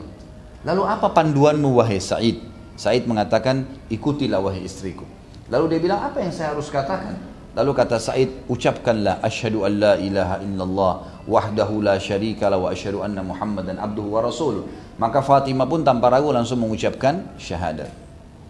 Masuk Islamlah mereka berdua dan akhirnya mereka mulai mempelajari Islam dan mereka selalu belajar Al-Quran dari seorang sahabat yang bernama Khabbab bin Arad. Khabbab bin Arad ini sahabat Nabi bekas budak, mantan budak orang-orang Quraisy dibebaskan oleh Abu Bakar. Lalu kemudian dia pun masuk Islam dan menghafal ayat-ayat yang telah Nabi SAW sampaikan. Nah Fatimah sama Zaid sama Said ini belajar Al-Quran dari Khabbab bin Arad. Tersebarlah berita pada saat itu di Mekah. Kalau Islam sudah mulai menyebar Zaid Ibn Amr bin Nufair tadi, tokoh kita yang pertama sekali, ayahnya Sa'id ini, waktu dia suka nasihat-nasihatin masyarakat Mekah dulu, saudaranya sendiri, ayahnya Umar bin Khattab, namanya Khattab. Khattab ibn Amr bin Nufair. Khattab ini kakaknya, gitu kan. Marah sama dia. Dia suka pukul adiknya. Zaid ini dipukulin, digebukin sampai berdarah, diusir, ditinggalkan di gua, di gunung jauh di, di kota Mekah. Lalu dia bayar orang untuk kerumunin, ya, jaga adiknya supaya tidak masuk ke Mekah. Itu yang dilakukan oleh Khattab, ayahnya Umar bin Khattab. Apa yang terjadi? Khattab, sebagaimana Zaid mewariskan kepada Said kebaikan, ketauhidan, Khattab ini kena benci dengan Allah, jadi kan ayahnya Umar bin Khattab, dia warisi kepada Umar anaknya kebencian. Jadi dua saudara yang berbeda mewariskan juga hal yang berbeda. Jadi Umar bin Khattab benci sekali dengan Islam di awal karena ayahnya Khattab. Subhanallah. Ya. Ini jalur dari atas ini luar biasa. Salah instruksi, salah pendidikan, salah semua ke bawah nih. Dia dan seluruh cucunya akan salah. Ini bahaya sekali. Gitu kan. Makanya jangan salah di sini. Maka Umar bin Khattab lahir, tumbuh besar menjadi pembenci tauhid. Bahkan Umar bin Khattab dalam saya sudah ceritakan dalam kisah beliau, tentu sebelum masuk Islam kita bicara, itu paling suka kalau keluar pagi menyiksa orang-orang Islam. Jadi selain budaknya dia keluar, dia partisipasi. Misalnya Abu Jahal, Abu Jahal kan teman dekatnya Umar bin Khattab, gitu kan. Sahabat dekatnya itu Abu Jahal. Maka dia selalu sama-sama dia tanya Abu Jahal, dia tanya, "Wahai Abu Hakam, siapa yang kau mau siksa hari ini?" Si fulan, datang Umar, siksa, Umar siksa. Dan Umar kalau selesai siksa orang Islam dia bilang apa? Saya berhenti sisa kamu bukan karena saya capek ya, tapi karena sudah malam, besok saya kembali lagi. Jadi luar biasa gitu, gitu kan. Sampai waktu salah satu dari suku Adi, perempuan sahabiat, mau hijrah ke Habasyah, gitu kan. Itu sempat lari malam hari, gitu kan. Namanya Ummu Abdillah. Ummu Abdillah. Ini jalan sama anaknya. Waktu itu sahabat nyembunyi-nyembunyi di padang pasir gitu. Pada saat uh, mereka bertemu di, di perbatasan antara keluar Mekah untuk menuju ke Jeddah, pergi ke pelabuhan untuk pergi ke Habasyah gitu kan. Maka mereka malam hari, tengah malam supaya nggak ada yang tahu. Subhanallah, Umar bin Khattab ini punya tradisi, memang sebelum Islam dia suka keliling Mekah. Waktu sudah masuk Islam dia keliling Madinah untuk tapi waktu itu beda ya.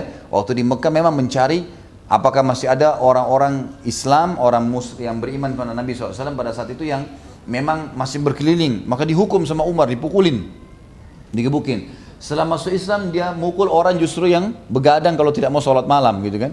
Jadi perbedaan yang luar biasa. Tapi Ummu Abdillah ini dia naik gunung sama anaknya untuk selamat keluar. Pas turun gunung ketemu dengan Umar. Nah Umar ini orang yang paling benci dengan Islam pada saat itu kan. Lalu kata Umar, wahai Ummu Abdillah, kau mau ke mana bawa-bawa barang gitu. Kata Ummu Abdillah, kami ingin pergi. Wahai Umar, kami ingin tinggal di kota ini dengan beribadah kepada Allah, kalian larang. Kami mau keluar pun kalian tahan. Gitu kan. Kalau kamu buat apa, buat apa, terserah kamu, hai Umar. Lalu Umar tiba-tiba mengatakan, Ummu Abdillah, e, pergilah dan semoga kau selamat. Sudah, pergilah. Ummu Abdillah ini bertemu dengan muslimin. Waktu bertemu dengan sebagian sahabat yang mau hijrah ke Habasyah, Ditanya, Ummu Abdillah ini terlambat kan? Ditanya, wahai Ummu Abdillah, kamu ke mana saja? Dia bilang, saya lewat gunung supaya nggak ketahuan. Kamu ketemu orang nggak? Nggak ada sih, kecuali Umar. Gitu kan. Kata mereka, Umar bin Khattab. Kata Ummu Abdillah, iya. Mudah-mudahan saja saya ketemu sama dia penyebab masuk Islamnya. Sampai ada satu sahabat itu bilang, Umar bin Khattab mau masuk Islam, mustahil sampai unta bisa masuk di lubangnya peniti, di lubangnya apa? Ya jarum gitu kan. Udah nggak mungkin Umar masuk Islam. Karena begitu tiap hari keluar mukulin orang, gebukin orang, luar biasa ya. Benci dengan Islam. Ringkas cerita adalah Umar bin Khattab ini melihat keadaan Mekah pada saat itu. Ini sebab dia masuk Islam, gitu kan. Dia melihat keadaan Mekah ini simpang siur. Jadi kadang-kadang paman sama ponakannya, karena ponakannya masuk Islam, pamannya siksa, gitu kan. Atau kalau ada orang yang masuk Islam, maka dibenci oleh masyarakat. Atau dia berusaha melawan keluarganya. Umar ini berpikir, ini apa ini? Itu Dulu di Mekah tidak ada begini, orang satu saja. Nyembah berhala, nyembah berhala semua ini setelah datang ajarannya jadi kacau nih. Ini berarti sumbernya Muhammad nih, sallallahu alaihi wasallam. Dia belum dia belum beriman pada saat itu ya. Maka dia pun menggunakan baju perangnya Umar radhiyallahu anhu, pakai baju perangnya, baju besi, pedangnya semua. Dan Umar ini terkenal di Mekah, kalau dia keluar mau membunuh, pasti dia pulang sudah membunuh atau dia mati dah. Jadi salah satunya, dia nggak pernah pulang. Kalau dia sudah niat mau bunuh satu orang, mesti dia ke sana dia bunuh. Orang itu mati atau dia yang terbunuh. Tentu Umar selama ini tidak mati gitu kan? Dia selalu membunuh lawannya, selalu. Jadi kalau dia sudah keluar tidak bisa ada yang tahan, siapa pun. Gitu. Karena poster tubuh yang besar, saya sudah pernah sebutkan cirinya kalau duduk di atas kuda kakinya sampai di tanah. Gitu. Jadi orang yang dua meter setengah barangkali tingginya gitu. Ini luar biasa ini. Maka Umar pun keluar dengan perisainya, dengan pedangnya, gitu kan. Begitu dia jalan, dia ini ceritanya mau nyari Nabi Muhammad SAW. Dia ingin membunuh. Dia bilang ini sumber masalah, saya harus bunuh Muhammad hari ini. Kata Umar. Ya. Keluarlah dia. Begitu dia keluar dengan baju pedangnya, orang-orang semua tahu ini Umar lagi mau keluar, tapi siapa lagi yang mau dibunuh nih? Ketemu dengan satu orang sahabat masuk Islam tapi dia sembunyikan Islamnya namanya Nuaim Nuaim bin Abdullah. Nuaim ini radhiyallahu anhu menyembunyikan Islam. Lalu dia tanya, wahai ibnu Khattab, kau mau ke mana? Kata Umar, saya ingin mencari Muhammad dan membunuhnya. Nuaim sudah tahu. Kalau Umar pergi, berarti salah satunya harus mati nih. Dia mati atau orang yang jadi targetnya gitu. Maka Nuaim kena takut pada Nabi SAW jangan sampai Nabi terjadi sesuatu karena baru, baru masuk Islam ya belum tahu kalau Allah akan menolongnya dan seterusnya belum sampai pada tingkat itu maka kata Nuaim untuk mengalihkan Umar dia bilang wahai Ibnu Khattab daripada kau repot-repot cari Muhammad Lihat keluargamu sendiri. Keluargamu saya sudah ada yang ikut ajarannya. Umar tiba-tiba balik. Siapa yang kau maksud? Dia bilang iparmu Sa'id ibn Zaid dan istrinya Fatimah binti Khattab adikmu sendiri. Umar bin Khattab dikatakan dalam riwayat wajahnya memerah. Kemudian dia tadinya mau bunuh Nabi SAW beralih langkah kakinya menuju ke rumah adiknya Fatimah dengan suaminya Sa'id bin Zaid. Ini tokoh kita gitu kan. Ternyata Sa'id bin Zaid sama Fatimah lagi baca Quran. Lalu Umar bin Khattab pun melangkah ke sana. Dan Umar ini kalau jalan, telapak kakinya kedengaran. Jadi saking beratnya badannya gitu kan. Jadi waktu dia lewat di depan rumah Fatimah, Fatimah tahu ini kakaknya lagi datang. Khabab bin Arad disembunyikan, guru ngaji mereka disembunyikan dalam kamar. Lalu Quran yang masih di atas kulit unta pada saat itu disimpan. Tapi belum sempat disimpan, Umar bin Khattab sudah mendobrak pintu. Gitu kan. Ini bukan cuma mengetuk tapi mendobraknya. Dalam riwayat dikatakan sampai rubuh pintu itu kan. Kemudian Umar masuk dan mengatakan, apa yang kamu lakukan? Gitu kan. Apa yang kalian lakukan? Apa yang saya dengar tadi? Gitu kan. Kata Fatimah, tidak ada apa-apa. Dia bilang tidak, ada tadi yang saya dengar. Lalu kata Sa'id, Sa'id bin Zaid mendekati dia mengatakan, wahai Umar, kami mengikuti kebenaran.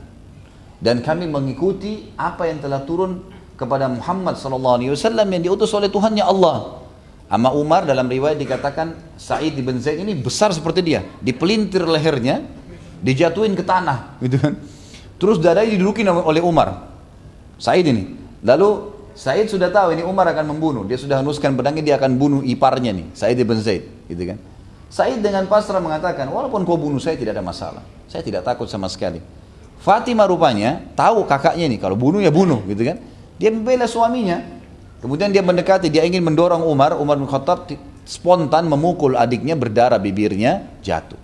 Waktu jatuh, tiba-tiba Fatimah mengucapkan kalimat justru radhiyallahu anha yang membuat kakaknya Umar bin Khattab jadi luluh. Dia mengatakan, wahai musuh Allah, ya adu Allah. Kata Fatimah ini, Fatimah ini nggak pernah nggak pernah ada orang berani bicara kasar kepada Umar termasuk adik perempuannya lagi. Gitu. Maka dia bilang, wahai musuh Allah, kami telah bersyahadat, asyhadu an la ilallah wa anna Muhammad Rasulullah. Kalau kau tidak mau percaya, kamu tidak mau ikut, terserah kamu. Lakukan apa yang kau inginkan. Saya sama suami saya siap mati. Maka tiba-tiba Umar bin Khattab luluh. Ini luar biasa nih. Sampai adik perempuannya pun berani membangkang gitu kan. Dia berdiri dari dada Said, Kemudian dia pun mengatakan, berikan saya apa yang kalian baca itu. Kata Fatimah tidak, saya tidak akan kasih. Kau kafir najis, gak mungkin saya akan kasih. Kata Umar baik, apa yang kau sarankan supaya bisa saya baca? Kata adiknya kamu harus mandi. Maka dia pun pergi mandi, gitu kan? Dan di sini sebagian ulama fikih mengatakan dianjurkan orang yang non muslim mandi, tapi ini sebenarnya tidak benar, gitu kan? Ini bukan jadi patokan karena waktu itu ijtihadnya Fatimah radhiyallahu anha. Itu upaya beliau sendiri. Karena terbukti dalam riwayat-riwayat Bukhari setelah Amal Fath pembebasan kota Mekah, suku-suku Arab kan banyak-banyak banyak yang masuk Islam ya. Tapi waktu itu Nabi SAW cuma suruh syahadat nggak ada yang disuruh mandi. Jadi nggak ada syarat masuk Islam itu mandi. Syahadat selesai, Muslim gitu kan. Ringkas cerita Umar bin Khattab pun mematuhinya setelah mandi dia pegang surat tersebut apa ayat-ayat tersebut ternyata surat Toha gitu kan. Jadi surat Toha surat yang mulia menceritakan tentang Nabi Musa alaihissalam dengan kaumnya gitu kan. Jadi ter, di awal-awal ayat menceritakan Al-Quran turun kepada Nabi SAW bukan untuk menyesakkan dada beliau tapi justru untuk melapangkan dada beliau. Toha ma anzalna alaikal Qur'an litashqa. Toha Allah katakan nama surah itu gitu kan. Kami tidak turunkan Al-Quran untuk membuatmu susah. Ya. Illa tadhkiratan liman yakhsha. Tapi untuk peringatan bagi orang-orang yang mau tunduk, mau mengenal Tuhannya. Teruslah Allah, uh, dibaca oleh Umar bin Khattab ayat-ayat tersebut sampai hatinya luluh. Kata Sa'id bin Zaid, waktu saya lihat Umar membacanya dan saya melihat ya biasanya Umar itu kelihatan otot-ototnya yang kekar, kelihatan dari wajahnya memang orang yang keras gitu ya. Maka tiba-tiba saya melihat semuanya luluh ya. Dari wajahnya, dari tatapan matanya. Maka saya pun tiba-tiba berkata kepada Umar, wahai Umar, tidakkah kau saatnya untuk menerima ini? Gitu ya. Maka Umar pun mengatakan, tunjukkan kepada saya di mana rumahnya Muhammad. Jadi perkataan Said tadi menarik Umar untuk mengucapkan syahadat. Ini sederhana ya, tapi efeknya besar. Karena ternyata dia coba punya andil dan ini penting teman-teman sekalian. Setiap kali antum mau berbuat satu kebaikan, jangan pernah buat sendiri. Ini lagi mau ke masjid sholat nih, ada orang di sebelah jalan, orang lagi duduk, orang lagi ngobrol. Sholat pak, sholat bu, ucapin satu kalimat saja. Subhan, subhanallah, kalau mereka sholat, antum dapat pahalanya. Saya kalau sholat, ada teman saya si A, si A misalnya sholat di sebelah saya. Saya dapat pahala, saya ngajak dia, dulu dia datang sama-sama saya ke masjid. Saya dapat pahala sholat, dia juga dapat pahalanya. Gitu kan? Tapi dia dapat misalnya saya dapat 100, dia dapat 100. Tapi saya dikasih sama Allah pahala 100 seperti nilai dia karena saya mengajaknya. Kalau saya mengajak 10 orang, 100 orang, gitu kan? Muadzin dapat pahala semua orang yang sholat. Imam dapat pahala semua makmumnya. Makmum dapat pahala masing-masing. Tapi penyumbang masjid dapat pahala semuanya, termasuk muadzinnya. Ada masjid lagi butuh bantuan kasih berapa aja? 10 ribu kah, 5 ribu kah, 100 ribu kah, kasih sesuatu bisa punya andil. Jangan lewatin masjid itu, kasih kesempatan. Karena kita usahakan punya setiap perbuatan baik ada andil di situ. Selalu ada. Apa saja. Orang lagi ngomong kebaikan, kita lagi ada. Oh iya, kalau kita memang tahu, saya kayaknya pernah tahu ada hadis seperti ini. Kita punya andil di situ. Said bin Zaid kata ulama hanya punya andil di masalah tadi. Hanya itu saja. Dia ingin segera merangkul Umar agar Umar ini mau masuk Islam. Dan Umar sudah lulu dari baca ayat tadi kan. Lalu dia mengatakan, baiklah, saya akan tunjukkan padamu di mana Muhammad. Dalam riwayat mengatakan Khabbab bin Arad yang mengajak Umar, dalam riwayat lain dikatakan Sa'id bin Zaid. Jalanlah menuju ke Darul Arkam dan akhirnya di Darul Arkam ini tempat Nabi SAW berdakwah dua lantai di lantai dua ada sahabat yang mengintip dari jendela melihat kalau ada orang-orang Quraisy yang datang misalnya. Maka mereka memberhentikan pengajian sementara. Datang dari kejauhan Umar bin Khattab, masih lengkap dengan baju perangnya, perisainya, pedangnya, gitu kan. Dan di sebelahnya ini ada, kalau riwayat pertama Khabbab bin Arad. Khabbab bin Arad ini seorang budak kulit hitam dan memang umumnya pada zaman itu mereka kalau budak itu jarang pakai baju atas. Pakai kain di bawah, dari perut ke bawah gitu kan. Ya, kecuali setelah mereka masuk Islam mungkin baru mereka tapi tahu itu Khabbab tetap begitu penampilannya. Jadi mereka tahunya Umar bin Khattab ini menawan Khabbab bin Arad.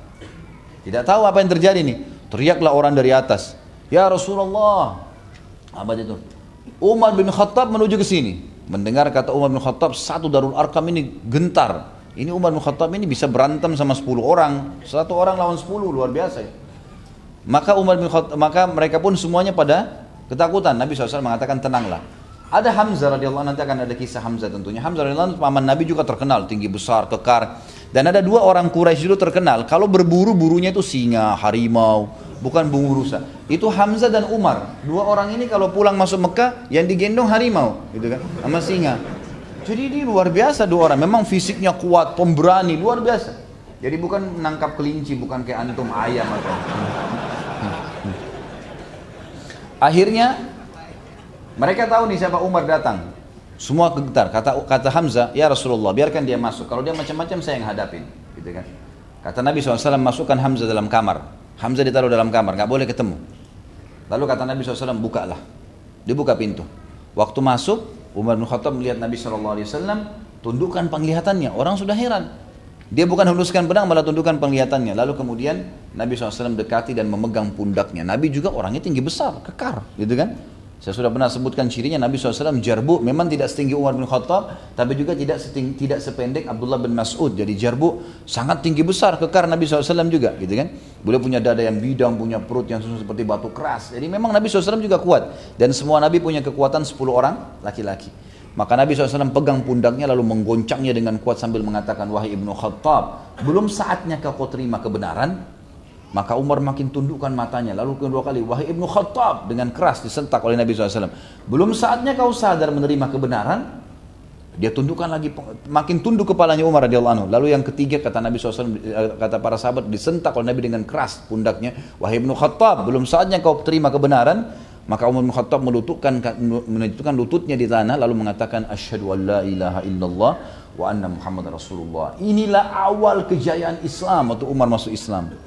Di situlah nanti kita akan lihat peperangan-peperangan akan datang termasuk Said bin Zaid yang hadir, perang Yarmouk, perang Qadisiyah, perang Ajnadin, perang-perang yang besar. Bagaimana Islam terekspansi wilayah Syam, bagaimana Bizantium runtuh di tangan kaum muslimin, bagaimana Persia runtuh di tangan Umar bin Khattab. Dan Said bin Zaid punya andil di keislaman Umar hanya karena dia tahu dan dia merangkul nih.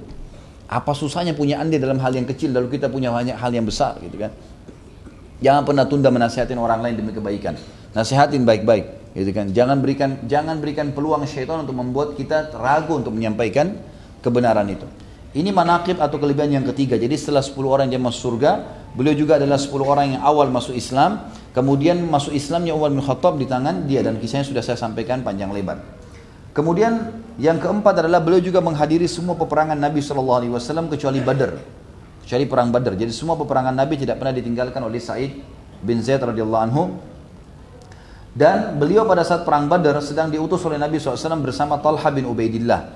Talha bin Ubaidillah juga termasuk ada 10 orang sahabat yang Nabi hitung termasuk ahli Badar, gitu kan? Yang tidak sempat hadir, tidak sempat hadir. Tapi Nabi hitung mereka hadir di Badar. Di antaranya Utsman bin Affan pernah saya ceritakan. Utsman bin Affan itu karena menjaga istrinya Ruqayyah anak Nabi SAW maka tidak ikut berperang. Sa'id bin Zaid bersama Talha bin Ubaidillah memang dihususkan oleh Nabi SAW mengutus diutus negeri Syam untuk memata-matai kafilahnya Quraisy gitu kan. Maka pada saat mereka pulang dan perang Badar selesai, uh, Nabi SAW memberikan andil, memberikan bagian dari ghanimah. Artinya terhitung mereka termasuk ahli Badar. Dan ahli Badar ini Allah telah berfirman, "I'malu ma syi'tum faqad ghafarallahu lakum." Berbuatlah semau kalian, ya, sungguhnya Allah telah mengampuni dosa kalian. Yang keenam, beliau adalah gubernur pertama di negeri Syam. Jadi pada saat nanti akan kita ceritakan peperangannya dalam perang Yarmuk setelah runtuh ya wilayah Syam, terutama Damaskus di tangan kaum muslimin yang dipimpin oleh Abu Ubaidah bin Jarrah radhiyallahu nanti juga akan kita jelaskan di serial kita yang 10 insyaallah. Tapi jelas pada saat itu Umar bin Khattab mengutus pasukan ke negeri Syam dan kemudian takluklah wilayah Syam itu di tangan kaum muslimin. Dan e, waktu itu pemimpinnya adalah Abu Ubaidah bin Jarrah. Abu Ubaidah bin Jarrah, sahabat yang ke-10 nanti akan kita jelaskan kisahnya, itu menunjuk Sa'id bin Zaid sebagai gubernur pertama. Tapi subhanallah Sa'id bin Zaid ini punya satu ciri khas teman-teman sekalian. Beliau selalu tidak mau menonjol. Jadi kalau ada keramian orang yang lagi bersedekah dia menghindar, dia jauh. Kalau ada keramian orang lagi tunjuk jadi pejabat, dia menghindar, gitu kan? Termasuk ternyata waktu Umar bin Khattab menunjuk enam orang sahabat yang ditunjuk untuk uh, penghuni surga yang untuk menjadi ahli syurah, di sini Sa'id bin Zaid sengaja lari, nggak mau, gitu kan? Supaya Umar nggak tunjuk, gitu. Supaya Umar nggak tunjuk jadi ahli syurah. Jadi dia memang pada saat itu jadi gubernur beberapa hari lalu kemudian dia menurun mencopot dirinya sendiri. Mengatakan kepada Sa'id uh, Sa'ad bin Abi Waqqas, pimpinan terbesar panglima perang di negeri di di di, di pasukan Umar bin Khattab ini mengatakan janganlah tunjuk saya sebagai gubernur dan berikan berikan kepada orang lain. Saya lebih suka menjadi orang biasanya muslimin. Biarlah saya jadi masyarakat di pasukan perang tidak mau pegang bendera. Enggak, saya di belakang. Biarin saya di belakang saya. Jadi itu menonjol terus dari dia. Makanya kalau kita baca kisah beliau kita tidak akan temukan banyak kisah yang dinukil, gitu kan? Dari kelebihan yang beliau lakukan karena selalu tersembunyi. Tapi tercatat beliau gubernur pertama di negeri Syam. Kemudian yang keenam adalah beliau selalu mensodakakan semua harta yang dimiliki. Jadi kaya raya sebenarnya Sa'id bin Zaid ini, tapi selalu disodokahkan. Cuman tidak ternukil karena dia selalu bersodokah sembunyi. Jadi dikatakan oleh para ahli sejarah menyebutkan biografi Said mengatakan dia termasuk mendapatkan jaminan surga karena masuk dalam hadis Nabi SAW Inna Allah yuhibbut taqiyul ghaniyul khafi Allah cinta dengan hamba yang suka bertakwa, patuh dengan Allah, yang kaya raya dan suka bersodokah serta orang yang suka menyembunyikan amal solehnya. Ulama-ulama mengatakan ini masuk dalamnya Sa'id bin Zaid. Dia selalu kalau orang lagi rame-rame bersodokah sampai menonjol, oh si fulan sodokah, si fulan sodokah, dia selalu sembunyi. Orang rame-rame pergi haji, Orang lagi pergi sama kafilahnya dia sendirian. Dia tidak ikut di situ kafilah. Jadi orang banyak tidak tahu tentang apa yang dia lakukan. Semua itu untuk menjaga keimanannya. Tapi intinya disnukil juga beliau yang keenam manakibnya adalah suka bersodak ke semua harta dan dia cuma meninggalkan apa yang dibutuhkan oleh keluarganya saja. Kemudian juga yang selanjutnya yang ketujuh adalah beliau menghadiri perang Yarmuk. Ya, beliau menghadiri perang Yarmuk.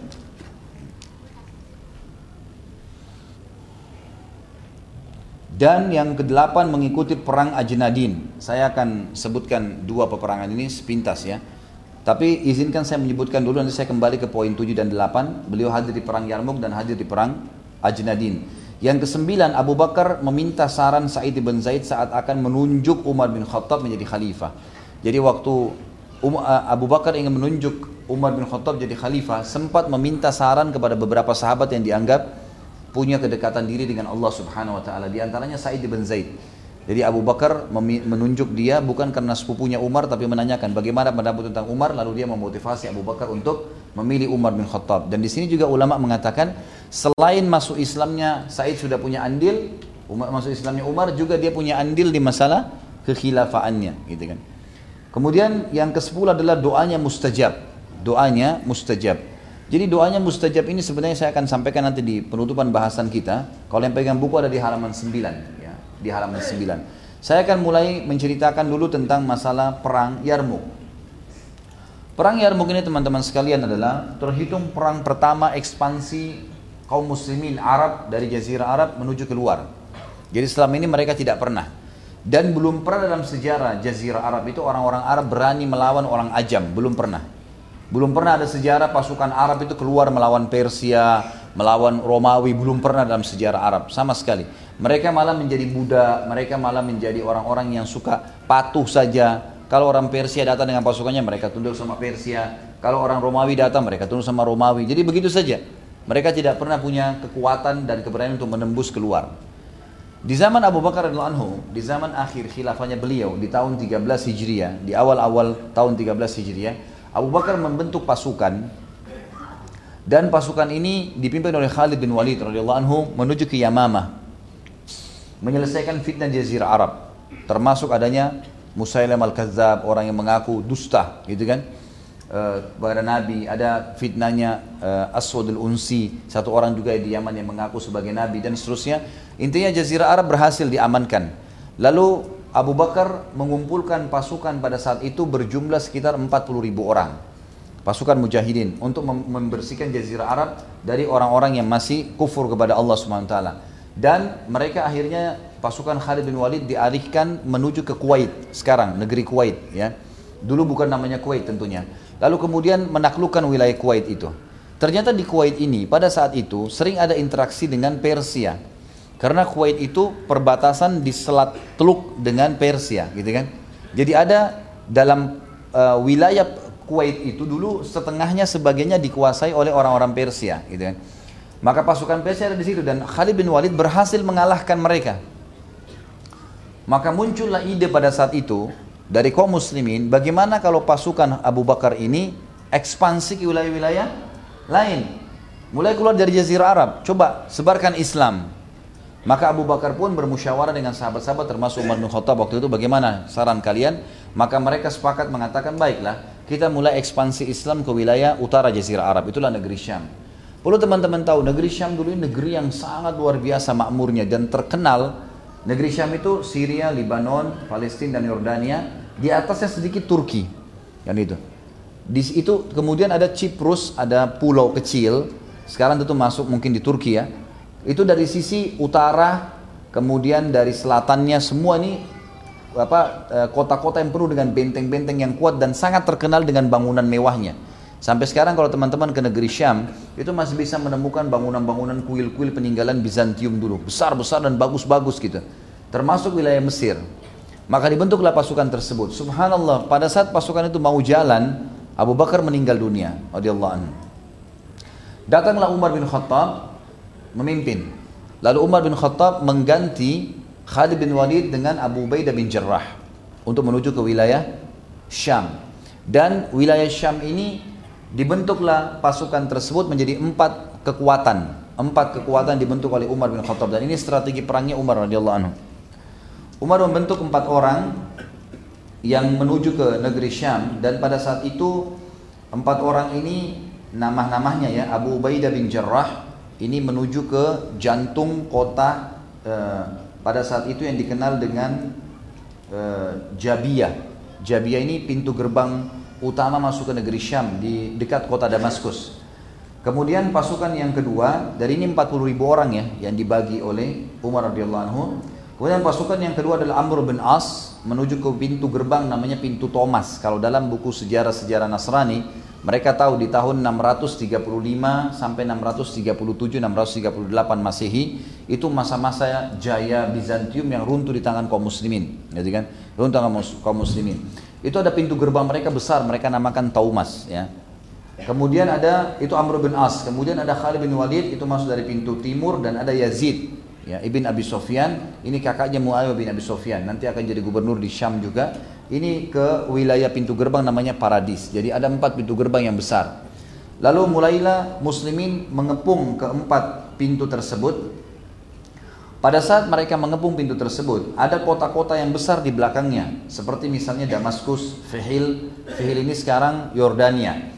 Kemudian ada Emesa, Emesa itu Hims. Di, masuk dalam negeri Syam, masuk dalam wilayah Syria sekarang. Ada Aleppo atau bahasa Arabnya Halab. Ya Kemudian ada Antokia atau Antakia dalam bahasa Arab disebutkan. Ini semua kota-kota pendidikan, kota-kota yang penuh dengan benteng-benteng yang mewah. Kerajaan Romawi besar dulu, dan kerajaan Romawi besar. Maka akhirnya mereka pun menembus ya empat pintu tersebut dimulai dengan pasukan Khalid bin Walid yang berhasil menembusnya gitu kan. Dan Sa'id bin Zaid berada di pasukannya Abu Ubaidah bin Jarrah. Jadi pasukan yang satu yang bisa tembus di sana. Pada saat itu, pada saat pintu gerbang mulai terbuka, maka Raja Bizantium waktu itu mulai Heraklius namanya, dia mulai merasa awalnya dia pikir pasukan Arab muncul kecil lah, ya paling bisa dihadapin dengan gubernur-gubernurnya. Tapi setelah runtut jebol tembok pertama gerbang mereka, maka mereka mulai pertimbangkan tuh. Lalu dia pun mengumandangkan segera mungkin agar Seluruh wilayah Bizantium waktu itu untuk membentuk pasukan. Dibentuklah pasukan terbesar pada saat itu mencapai jumlahnya 120 ribu pasukan. 120 ribu orang ini berhadapan dengan pasukan Abu Ubaidah bin Jarrah dan sahabat-sahabat Nabi yang lain kecuali Amr bin As. Amr bin As waktu itu beliau keluar ya meminta kepada Umar bin Khattab untuk mengekspansi Islam ke Afrika, ke Mesir. Maka dari 40 ribu tinggal 24 ribu saja, 16 ribunya bersama dengan ya, Amr bin As. Ringkas cerita adalah pada saat ya, pasukan salib ini yang besar dikenal mereka membentuk pasukan besar dan mereka akhirnya ber, berkumpul di sebuah pesisir namanya Yarmuk. Yarmuk ini sebuah lembah yang luas, banyak bebatuan dan juga di sebelah baratnya itu ada lautan, ada sungai gitu kan. Dikenal dengan wilayah Yarmuk. Nah Yarmuk ini sebenarnya dipilih oleh orang-orang Romawi supaya tidak pasukan muslimin tidak masuk ke dalam kota, tidak menguasai kota-kota mereka. Pada saat mendengar hal tersebut, maka pasukan muslimin pun berkumpul di sana dan Abu Bakar, maaf, uh, waktu itu perintah dari Umar bin Khattab untuk bersatu semuanya, tidak boleh pisah, tidak boleh pisah. Awalnya pasukan Bizantium ini berpisah, Ya kan? Akhirnya mereka bersatu semua dan Bizantium ini dibagi menjadi tiga bagian oleh orang-orang Nasrani tentunya. 80 ribunya itu adalah infanteri, pasukan perang infanteri. Kemudian 80 ribu pasukan berkuda, 80 ribu lagi jalan kaki dan mereka itu e, dirantai satu sama yang lain. 80 ribu orang dirantai. Jadi mereka terantai dan semua badannya dari kepala sampai kaki semuanya besi. Di depan mereka, jadi setiap 10 orang pasukan Kristen itu yang sedang jalan di rantai itu ada satu patrik, patrik ini kayak pendetanya yang memegang kayu salib, eh, bukan kayu salib, besi salib dari emas. Dan kemudian mereka jalan ingin menghadapi kaum muslimin. Di sini Sa'id bin Zaid menceritakan kepada kita tentang pengalaman pribadinya. Pada saat itu dia bilang, dan itu tentu yang pegang buku tahu ya, di sini ada disebutkan ceritanya. Bagaimana pada saat itu Sa'id bin Zaid berkata, kami melihat pasukan Bizantium ini lebih dari 100, sekitar 120 ribu orang dan mereka melantunkan doa-doa dan bahasa-bahasa mereka. Di depan-depan mereka dipimpin oleh para pastor-pastor yang membawa salib yang dibuat dari dari dari emas. Kemudian suara mereka bergemuruh dan tradisi pasukan salib waktu itu perisai mereka yang dari besi mereka pukulkan dengan pedang mereka sehingga mengeluarkan suara yang besar gemuruh. Kata Sa'id bin Zaid, maka rasa takut sempat masuk ke dalam hati kaum muslimin. Masuk ke dalam hati muslimin. Ini masalah ini. Mereka kendor, jumlahnya lebih sedikit, dan ini suara pasukan Nasrani luar biasa nih. Suara pedang mereka yang dipukulkan ke perisai, dan suara mereka yang teriak-teriak melantunkan apa yang pastor mereka ucapkan dari doa-doa mereka. Maka Abu Ubaidah bin Jarrah pun memotivasi para sahabat pada saat itu untuk mereka tidak boleh takut, mereka harus berpegang pada firman Allah, "Intan surullah yang surkum." Kalau kalian memenangkan agama Allah, Allah akan tolong kalian. Terus memotivasi mereka. Kata Sa'id bin Zaid, sampai saya melihat ada satu orang, tapi tidak disebutkan namanya dalam riwayat, berkata kepada Abu Ubaidah bin Jarrah. Dia bilang, "Wahai Abu Ubaidah, saya ingin mati syahid sekarang." Sementara orang lagi kendor semua, gitu kan? Orang lagi tidak punya semangat nih. Jumlahnya cuma 24 ribu melawan 120 ribu. Jadi sama dengan antum sendiri melawan lima orang gitu kan. Jadi lima kali lipat nih 120 ribu. Dia bilang tiba-tiba orang tersebut mengatakan adakah pesan yang kau ingin sampaikan kepada Rasulullah wahai Abu Ubaidah. Dia tahu dia akan mati syahid. Kata Abu Ubaidah sampaikan salam kami kepada Nabi Shallallahu Alaihi Wasallam. Maka orang tersebut dia bilang maju menembus pasukan sampai hanya dibunuh dan bunuhnya itu memang kelihatan dikeroyokin satu orang lawan 120 ribu kan luar biasa. Maka pada saat dia maju menembus dipukul-pukulin sahabat ini sempat membunuh beberapa orang gitu kan. Lalu sah para pasukan ini mulai tambah redah gitu kan. Ini gimana nih bisa nggak kira-kira? Dan mereka makin mendekat pasukan salib ini makin besar. Jadi 120 ribu itu membentuk seperti letter U seperti e, busur panah kemudian mendatangi muslimin yang ada satu kelompok. Karena Umar memerintahkan mereka untuk satu kelompok. Mereka tidak menyebar gitu kan? Maka di sinilah peran Said. Di dalam buku yang sedang kita bahas mengatakan singahnya Yarmuk apa yang dikatakan apa yang dilakukan oleh Said? Said ini pribadinya tadi saya bilang jeli sekali melihat peluang untuk meraih pahala gitu kan? Jadi dia radhiyallahu anhu tiba-tiba di depan pasukan musuh yang banyak dia berada kebetulan di depan di sebelah Abu Ubaidah. Tiba-tiba dia loncat dari kudanya, ya, dia sempat menjatuhkan dirinya ke tanah padang pasir dan pasukan kafir pada saat melihat dia menjatuhkan dirinya ke tanah dengan gerakan tertentu membuat mereka tiba-tiba berhenti karena dia dia ber, menggulingkan dirinya ke depan jadi kayak masih ada ladang padang pasir yang kosong, dia gulingkan badannya di situ. Sehingga pasukan salib ini melihat apa yang e, orang ini sedang lakukan, Sa'id bin Zaid. Pasukan muslimin juga melihatnya. Lalu Sa'id bin Zaid pun dia bilang saya berdiri di atas lutut saya. Lalu saya pun membangun semangat saya yang tadinya begitu takut dia bilang. Begitu saya takut tadinya, kemudian saya semangatkan diri saya, saya mengatakan tidak mungkin saya kalah bila saya berada di agama Allah. Maka saya pun bertakbir sambil mengambil ya belati saya dan alat-alat saya. Kemudian saya menyerang musuh tersebut. Sa'id bin Zaid menyerang sendiri. Menyerang sendiri. Dari 120 ribu tadi diserang juga sama dia tapi serangannya Sa'id bin Zaid berbeda gitu kan dia menyerang orang yang paling besar dari pasukan kafir itu dan yang di atas kuda pasukan kuda ini sama kalau kita sekarang tank gitu kan nggak bisa sembarangan dikalahkan gitu. Dia menyerangnya, dia meloncatinya, lalu dia membunuhnya. Kemudian pada saat membunuhnya sempat menusukkan pedang, lalu menariknya, mengoyaknya orang itu, lalu narik, ditarik, lalu dijatuhkan di di lapangan yang luas tadi. Tanpa orang itu, orang itu belum sempat mau menantang memang ya. Dia datang langsung dia membunuhnya. Pada saat kejadian tersebut terjadi, maka seluruh pasukan salib tadi yang memukul-mukul pedangnya itu bersuara berhenti semua. Karena ternyata yang dibunuh ini salah satu pimpinan mereka, gitu kan? Yang dikenal kuat sekali kalau berperang. Sa'id bin Zaid berhasil membunuhnya. Maka setelah itu kaum muslimin pun muncul semangatnya dan akhirnya mereka bertakbir dan Abu Ubaidah bin Jarrah menyuruh mereka untuk menyerang. Akhirnya mereka menyerang dan dimenangkan oleh kaum muslimin. Jadi kan? Dimenangkan oleh kaum muslimin. Jadi di sini sebenarnya Sa'id bin Zaid bukan pimpinan perang, tapi peran dia dalam segera menyambut kebaikan. Ini penting sekali teman-teman sekalian, ya. Jangan pernah ragu, ketakutan dan kekhawatiran yang muncul itu karena syaitan. Nggak boleh dibiarkan. Antum kalau ngantuk malam harus berdiri lawan, nggak bisa nggak. Harus lawan berdiri bangun, gitu kan? Nanti setelah kita lakukan, maka akan dengan sendirinya kita akan sholat tuh. Mau sodokah dimasukkan oleh syaitan was-was. Nanti kurang, nanti begini, nanti kamu butuh. Sodokahkan, lawan langsung. Said bin Zaid memberikan pelajaran kepada kita itu. Dia mengatakan, demi Allah begitu saya turunkan lutut saya di tanah dan saya niat mau menyerang mereka serta saya melangkahkan kaki saya lari menyerang orang yang terkuat di antara mereka, maka rasa takut saya tiba-tiba hilang dan Said bin Zaid tidak terluka sedikit pun dalam peperangan tersebut. Gitu kan? Jadi ini sebuah pelajaran yang luar biasa kita ambil dari perang Yarmuk. Tentu teman-teman sekalian, perang Yarmuk ini perang yang sangat besar ya. Butuh bahasan sendiri saya tidak saya tidak membahasnya semua saya tidak membahasnya semua tapi kita akan sisihkan waktu nanti insya Allah khusus untuk membahas masalah uh, perang peperangan-peperangan di dalam Islam. Karena ini butuh panjang lebar penjelasannya dan banyak tokoh Islam itu. Tapi yang jelas peran daripada Said bin Zaid seperti tadi di perang Yarmuk.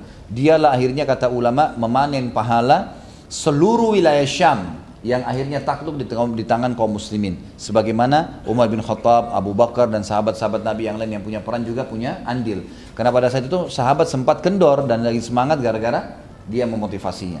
Kemudian perang Ajnadin, Ajnadin ini istilah bagi perang Palestina.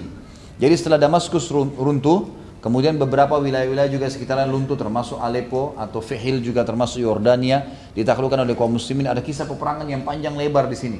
Termasuk ada satu jenderal uh, Nasrani yang masuk Islam di tangan Khalid bin Walid. Nanti ada bahasan di tangannya Khalid bin Walid pada saat itu. Dan dia memang uh, terkenal sekali mendengar kalau Khalid bin Walid ini diberikan julukan pedangnya Allah. Jadi kan sebagaimana kata Nabi SAW ya. Pedangnya Allah, Khalid bin Walid adalah sangat pedangnya Allah yang terhunus. Maka dia pun sangat kuat. Dia mengajak Khalid bin Walid duel. Pada saat akan masuk ke Palestina atau Ajnadin, perang Ajnadin ini, maka dia pun keluar kemudian dia meletakkan bendera salib di tengah-tengah e, kancah peperangan. Lalu dia berteriak mengatakan saya menantang kau hai Khalid. Karena dia tinggal di negeri Syam bahasa Arab juga ada di sana maka mereka menggunakan bahasa Arab. Dia mengerti bahasa dialek Syam ya. Maka dia pun akhirnya mengucapkan itu dan Khalid bin Walid keluar. Sementara mereka duel berdua maka dia sempat sementara duel dia berkata wahai Khalid saya tahu bagaimana keperkasaanmu dan saya bisa rasakan sekarang serangan-seranganmu. Tapi yang saya ingin tahu adalah apa sebabnya kau diberikan julukan pedangnya Allah? Kami juga tahu Tuhan namanya Allah. Maka Khalid bin Walid pun pada saat mau memberikan jawaban memberhentikan serangnya, serangannya orang ini juga berhenti. Lalu kata dia, kata Khalid bin Walid, saya bukanlah diberikan pedang dari langit oleh Allah. Tapi dulu kami dulu adalah orang yang sangat bodoh, menyembah berhala, memakan bangkai dan seterusnya. Lalu diutuslah kepada kami seorang nabi dan saya termasuk orang pertama yang membencinya. Saya memeranginya, gitu kan.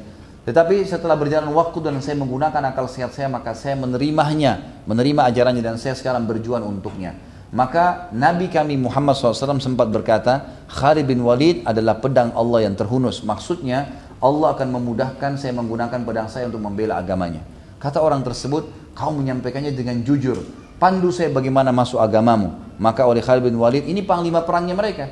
Lalu syahadat pada saat itu, diajak ke kemah muslimin, lalu dia berperang melawan pasukannya sendiri. Dan akhirnya, nah iya, itu terkenal sekali. Akhirnya dia pun mati syahid. ya Dia pun mati syahid. Tentu ada namanya ya. Tapi namanya itu nama-nama Nasrani, saya tidak hafal e, nama tersebut secara khusus. Tapi yang jelas dia e, terkenal sekali sebenarnya masuk Islam pada saat itu. Akhirnya yang merupakan peran daripada Said Ibn Zaid, tokoh kita ini dalam perang Ajnadin, pada saat akan menyerang, gitu kan, ternyata orang-orang Nasrani ini pasukan Bizantium pada saat itu, mereka menghujani muslimin dengan anak panah dan pimpinan perang Khalid bin Walid pada saat itu. Khalid bin Walid masih menyuruh tunggu, tunggu sebentar, tunggu instruksi saya. Tapi anak panah ini banyak sekali menghujam. Akhirnya ada banyak korban dari pasukan muslimin. Maksudnya Khalid bin Walid ini nunggu panah-panah tersebut jatuh kalau ada korban tahan dengan perisai kalau ada korban yang kena ya sudah dia mati syahid. Tunggu setelah itu baru menyerang. Karena kalau lagi nyerang sementara dilempasi anak panah bisa banyak korban menurut pertimbangan Khalid. Perannya Sa'id bin Zaid berbeda. Waktu dia lihat anak-anak panah dilemparkan dia teriak, "Wahai Khalid, kau membiarkan panah-panah mereka menyerang kami sementara uh, sehingga membuat kuda-kuda kami jadi korban, orang-orang kami jadi korban dan kami kita diam saja, serang sekarang." Tidak ada urusannya dengan panah itu nanti tunggu habis atau tidak. Maka dengan dengar statement dari Said bin Zaid. Dan ini saya bilang tadi ya. Bagaimana jeli memiliki andil dalam sesuatu yang benar. Maka Khalid bin Walid mendengar Said langsung mengatakan Said benar. Maka Khalid pun mengatakan saya akan takbir seranglah. Semoga Allah bersama kalian. Maka akhirnya kaum muslimin pun menyerang dan berhasil membebaskan Ajnadin atau Palestina gitu kan. Dan ini yang disebutkan dalam buku-buku tentang perannya ya Said ibn Zaid. Dan kita tutup teman-teman sekalian dengan poin yang ke-10 tadi tentang doanya yang mustajab radhiyallahu anhu. Beliau setelah bebasnya negeri Syam dari apa namanya? E, dari e, orang-orang Nasrani pada saat itu dan pasukan muslimin sudah masuk dan seluruh wilayah pada saat itu banyak yang takluk di antaranya tadi saya bilang ada wilayah Damaskus dikepung dari empat pintunya kemudian berhasil tembus oleh kaum muslimin. Kemudian Fihil Fihil ini adalah uh, tadi. Dan di sini Yordania ini terkenal dengan ada irigasi air ya. Uh, kemudian pasukan salib menghancurkan irigasi tersebut sehingga membuat tanah-tanah jadi becek dan pasukan muslimin tidak bisa jalan. Tapi dengan hikmah Allah air tersebut malah masuk ke benteng-benteng mereka dan membuat mereka jadi susah. Dan akhirnya pasukan muslimin memanahi mereka dengan anak panah dan akhirnya Yordan jatuh di tangan kaum muslimin. Kemudian juga Emesa, Emesa ini Hems, terkenal kota yang sangat besar di Syam, di puncak musim dingin dikepung oleh kaum muslimin, tapi akhirnya berhasil juga ditaklukkan oleh kaum muslimin. Dan Aleppo yang pada saat itu berada di tempat yang terjal dan susah sekali di tebing-tebing gunung itu kan? Dan di dalamnya itu di atas gunung itu mereka jadi orang harus lewat lereng-lereng gunung. Jalan-jalannya mereka tertutup dan ada pintu gerbang cuma satu jadi untuk naik itu susah sekali. Di dalamnya itu kota besar sekali, terkenal sekali. Aleppo ini terkenal sekali. Kota yang megah, mewah sampai sekarang kalau antum lihat sejarahnya itu sampai sekarang masih banyak puing-puing peninggalan e, bersejarah di situ. Ringkas cerita adalah beberapa mujahidin muslimin yang sempat naik ke tembok-tembok itu kemudian mengendap-endap sampai akhirnya masuk e, membuka pintu gerbang lalu berpelanglah kaum muslimin dan akhirnya semuanya negeri Syam takluk di tangan kaum muslimin. Lalu Sa'id bin Zaid ditunjuklah menjadi gubernur pertama di negeri Syam, gitu kan? Dan akhirnya dia menolak setelah beberapa hari dan dia kembali ke Madinah. Kisah tentang mustajabnya doanya adalah yang masyhur ditulis juga oleh para ulama hubungan dia dengan seorang wanita yang bernama uh,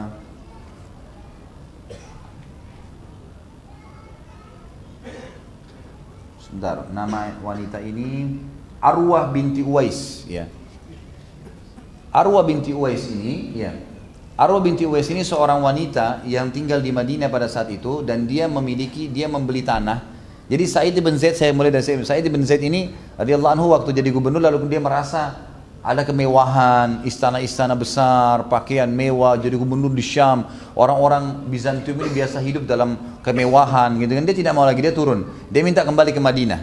Waktu kembali ke Madinah pun, dia lihat muslimin sudah banyak ghanimah, berubah bukan seperti zaman Nabi SAW dan dia tidak suka itu maka dia pun pergi ke wilayah Akik namanya Akik ini sebuah lembah kurang lebih jaraknya 7 km dari Masjid Nabawi. Waktu itu tidak ada masih tidak ada orang tinggal. Nanti di zaman Uthman bin Affan baru mulai penuh wilayah Akik itu.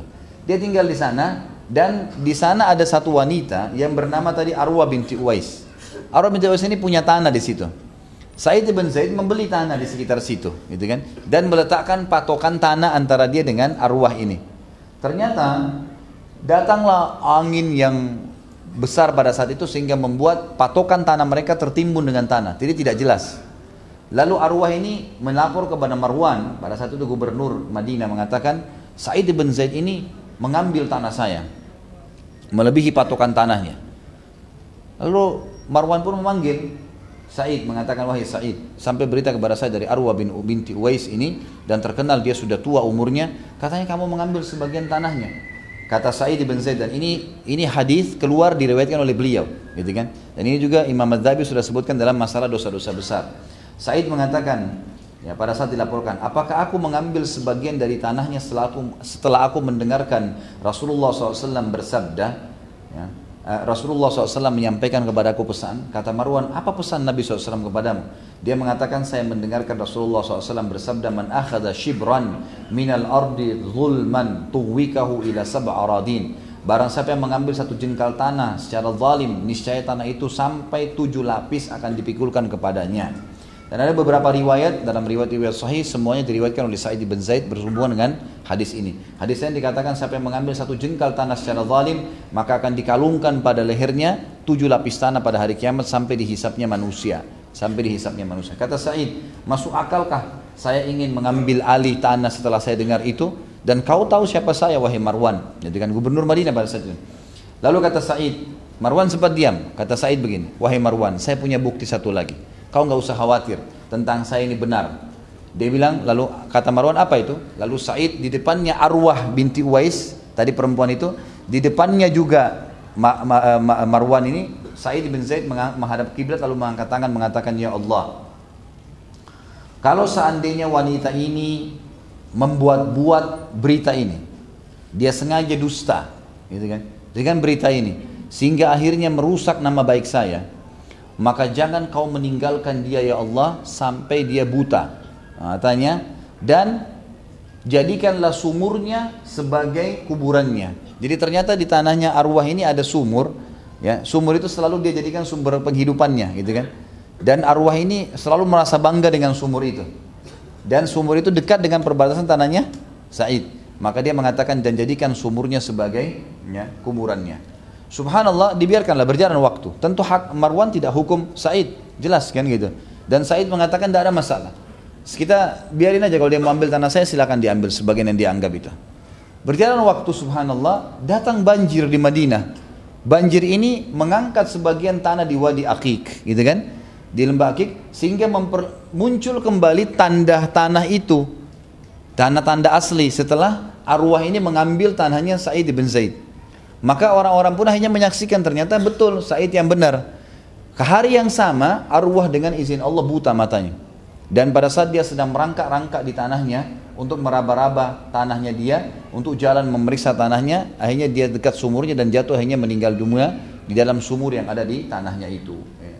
Dari ini ulama masukkan dalam doanya yang mustajab yang dinukil oleh para ulama. Allahu alam.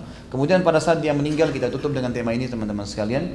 Perjalanan hidup Said semuanya diisi dengan ketaatan kepada Allah Subhanahu wa taala tentunya dan Said meninggal di akhir di lembah tadi yang dia punya tanah sendiri dia bangun dan dia pada saat meninggal dibawa ke Madinah dan dikebumikan yang membawanya adalah Said Sa'ad bin Nabi Waqqas radhiyallahu anhu pimpinan perang yang tadinya memimpin perang dan dia Said ini dibawa naungannya dan dialah yang telah menurunkan uh, kubur, uh, jenazahnya Said di kuburan bersama dengan Ibnu Umar radhiyallahu dan uh, Sa'id bin Zaid meninggal pada tahun 50 sampai 51 Hijriah.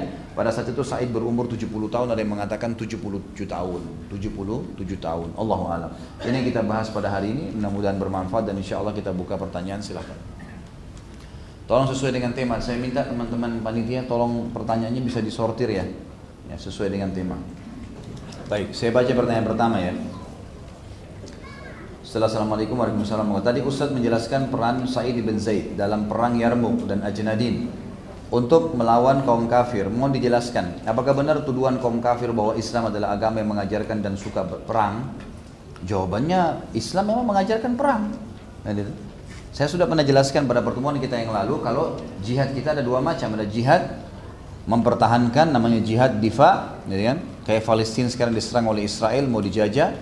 Dan yang kedua adalah jihad ekspansi. Ya, jihad ekspansi, jihad menyerap menyebarkan Islam. Nah, itu memang benar, gitu kan? Kalau mereka mengatakan Islam itu disebarkan dengan dengan perang, memang salah satu ya, cara menyebarkan Islam dengan cara itu. Nabi SAW mengekspansi Mekah, gitu kan? Dan itu tidak ada aibnya. Tidak ada aibnya sama sekali karena sebelum perang pun menawarkan Islam dulu. Kalau mereka nolak baru baru membayar jizyah, kalau mereka nolak baru kemudian ya, mereka diperangi. Memang seperti itu. Dan kita lihat tadi peperangan kaum muslimin menyerang wilayah Persia, menyerang wilayah ada juga perang di zaman Umar bin Khattab. Saya sarankan teman-teman ikuti kembali kisah Umar. Ada perang Qadisiyah, lebih besar lagi daripada perang Yarmuk tadi. Kalau perang Yarmuk pasukan Romawi cuma 120 ribu, itu kalau perang Qadisiyah dipimpin oleh Sa'ad bin Abi Waqqas itu 240 ribu orang, lebih besar lagi. Melawan sekitar eh, 30 ribu dari pasukan muslimin. Tapi akhirnya mereka memenangkan peperangan. Dan pada saat itu ditawarkan, saya sudah ceritakan pada pertemuan yang lalu kan, Bagaimana Sa'ad bin Waqqas mengutus Rubai bin Amir, kemudian beberapa sahabat-sahabat Nabi yang lain negosiasi. Ya. Kalau mereka mau masuk Islam, maka ditinggalkan kitabullah dan sunnah nabinya. Ini Al-Quran, ini sunnah nabi, silahkan jalankan. Kami tidak akan mengambil kerajaan kalian, jabatan kalian. Memang begitu Islam menawarkan seorang pimpinan perusahaan kalau masuk Islam tidak direbut perusahaannya silahkan tetap dalam perusahaan anda. Tapi terapkan sekarang hukum Islam gitu kan? Taat kepada Allah subhanahu wa ta'ala dan Rasulnya Muhammad sallallahu alaihi wasallam. Jadi mereka mau lemparkan isu begitu tidak ada masalah. Ya, kenapa harus takut dengan isu itu? Memang betul gitu kan? Kita menyebarkan Islam dengan ekspansi salah satunya memang begitu. Benarkah para sahabat mengecat jenggot mereka dengan cat warna hitam? Kalau warna hitam saya tidak pernah temukan riwayat. Bahkan ada hadis yang melarang. Ada hadis yang melarang itu. Yang benar adalah warna merah. Ya, merah kecoklat-coklatan dan itu terjadi pada saat Nabi SAW melihat jenggotnya Abdullah bin Umar yang masih muda waktu itu tapi sudah ada warna putih. Maka Nabi SAW menyuruh mewarnainya dan beliau mengatakan wajtanibus sawat dan jauhi warna hitam gitu kan jadi Ibn Umar waktu itu menggunakan kalau kita Indonesia bahasanya pacar ya warnanya kemerah-merahan Apakah tingkatan keutamaan sahabat-sahabat berbeda yang berbeda membedakan juga keadaan keimanan mereka? Misal kisah Said yang jarang terungkap dengan amal-amal lain dibandingkan dengan misal para penuntut ilmu. Tentu saja, ya, tentu saja berbeda-beda. Berbeda-beda. Tentu ber, tidak sama semua levelnya. Ya, ada sahabat ada kalangan sahabat kan yang berzina gitu kan? Sehingga dirajam kisah tentang wanita yang berzina akhirnya dirajam oleh Nabi SAW ada sahabiat yang pernah mencuri namanya Fatimah ya yang dia punya kedudukan uh, di Mekah lalu pada pada saat itu sahabat ingin melobi Nabi SAW supaya tidak dipotong tangannya lalu kata Nabi SAW kalau Fatimah anaknya Muhammad mencuri saya akan potong tangannya Lalu dipotonglah tangan orang tersebut. Ada di antara sahabat juga yang melakukan kemaksiatan. Gitu ya. Jadi memang mereka manusia biasa, punya tingkatan-tingkatan iman yang berbeda-beda, gitu kan? Ada sahabat yang menonjol dengan perilaku-perilaku dan itu yang kita pelajari. Itu yang kita pelajari. Tentu tidak semua sahabat akan kita pelajari karena ada sahabat yang tidak sempat punya peran. Mereka datang syahadat, mereka pulang, gitu kan? Bahkan ada di antara mereka setelah Nabi SAW meninggal menolak membayar zakat. Maka akhirnya mereka difonis kafir oleh ya, Abu Bakar dan diperangi sampai mereka taubat kembali lagi gitu kan seperti itu jadi memang berbeda-beda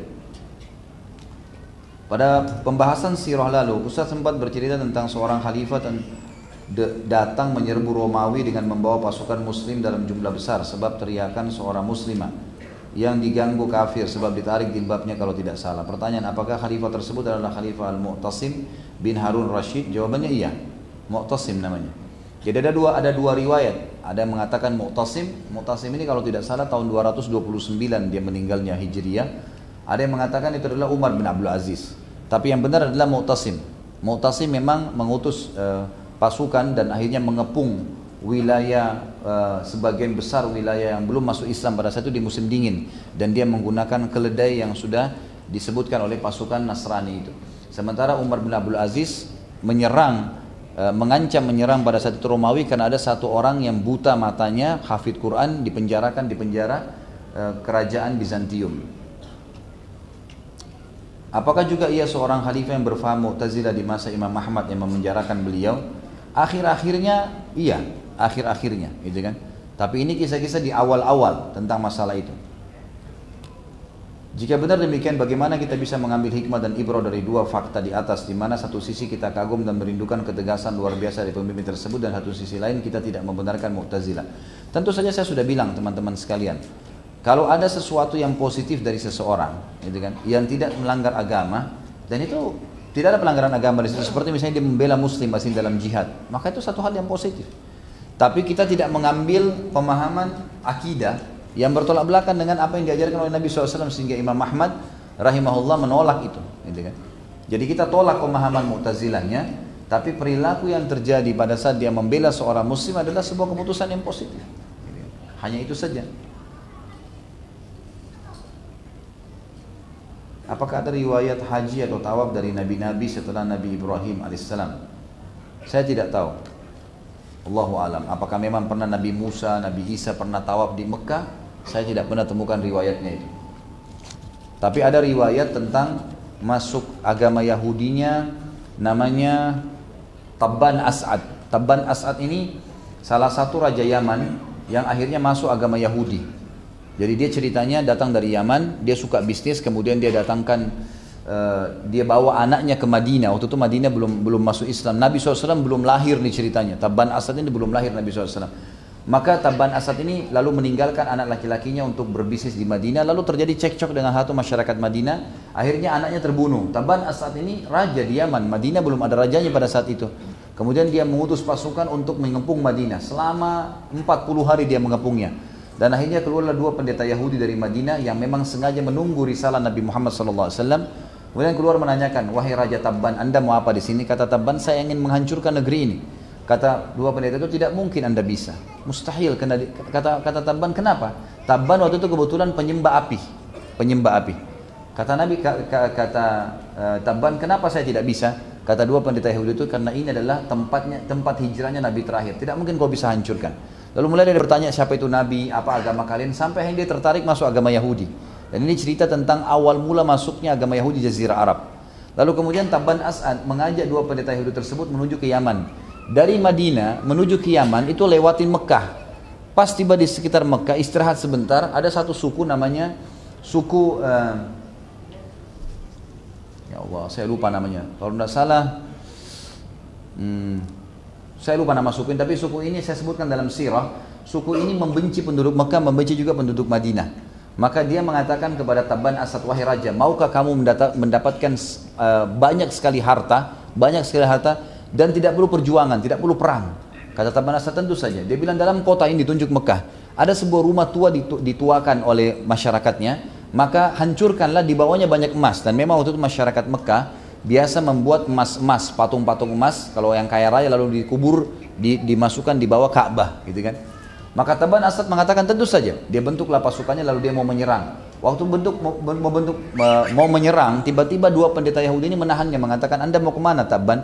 Kata Taban saya disampaikan kalau saya akan di dalam sini ada dalam kota ini ada rumah tua dan di sana ada kak ada emas saya ingin ambil. Kata pendeta tersebut demi Allah sesungguhnya yang menasihatin kamu itu tidak ingin kecuali kehancuranmu. Kami tidak tahu rumah Ka'bah ya, rumah Allah di muka bumi kecuali ini. Tidak ada kecuali ini. Maka maka akhirnya yang terjadi adalah kata Taban Asad apa saran kalian?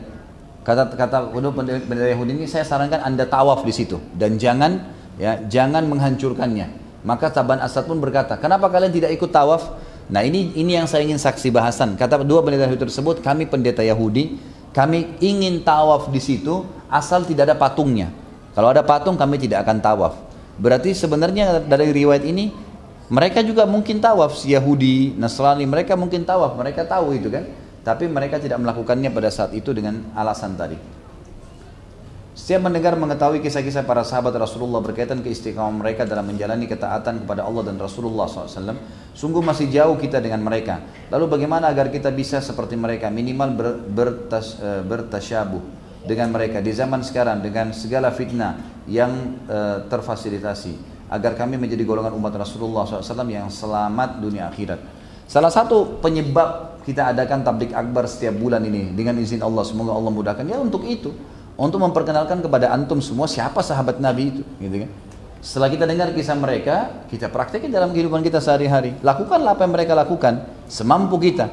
Makanya saya bilang tadi dari awal kan, kelebihan sahabat, keyakinannya, ayat-ayat saya sudah sebutkan. Kelebihan sahabat, mereka berpegang pada kebenaran. Setiap sahabat punya kelebihan yang menonjol, lalu kita berikan judul setiap sahabat dengan menonjol itu. Tinggal kita ambil, terapkan dalam kehidupan kita. Jadilah figur-figur Abu Bakar, Umar, Uthman, Ali, Talha, Zubair dan seterusnya yang memang jalan sekarang, bukan mustahil. Tinggal antum istiqomah aja kok, nggak ada masalah. Ya, dan ini insya Allah seperti sekarang dakwah-dakwah sunnah yang sedang disampaikan semua itu mengikuti para sahabat. Ya, yang kita dakwakan, yang kita sampaikan semua itu adalah mengejar itu. Jadi ini memang tujuannya. Jadi caranya adalah tinggal mengikuti sejarah mereka, praktekkan dalam kehidupan kita. Allahu alam. Baik, mohon maaf tidak semua materi saya bisa, uh, tidak semua pertanyaan saya bisa bacakan karena saya habis asar juga ada pertemuan dengan salah satu dosen dari Umul Qura.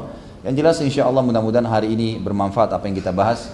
Tentu saja saya katakan tadi tidak semua sahabat punya kisah-kisah heroik atau kisah-kisah yang sangat luar biasa, tapi semua punya kelebihan masing-masing dan memang kita akan temukan nanti kisah-kisah ke depan Sahabat-sahabat itu ada ada sahabat-sahabat yang menonjol di beberapa hal yang kecil, tapi rupanya punya efek yang besar dalam kehidupan mereka dan juga kehidupan kita tentunya.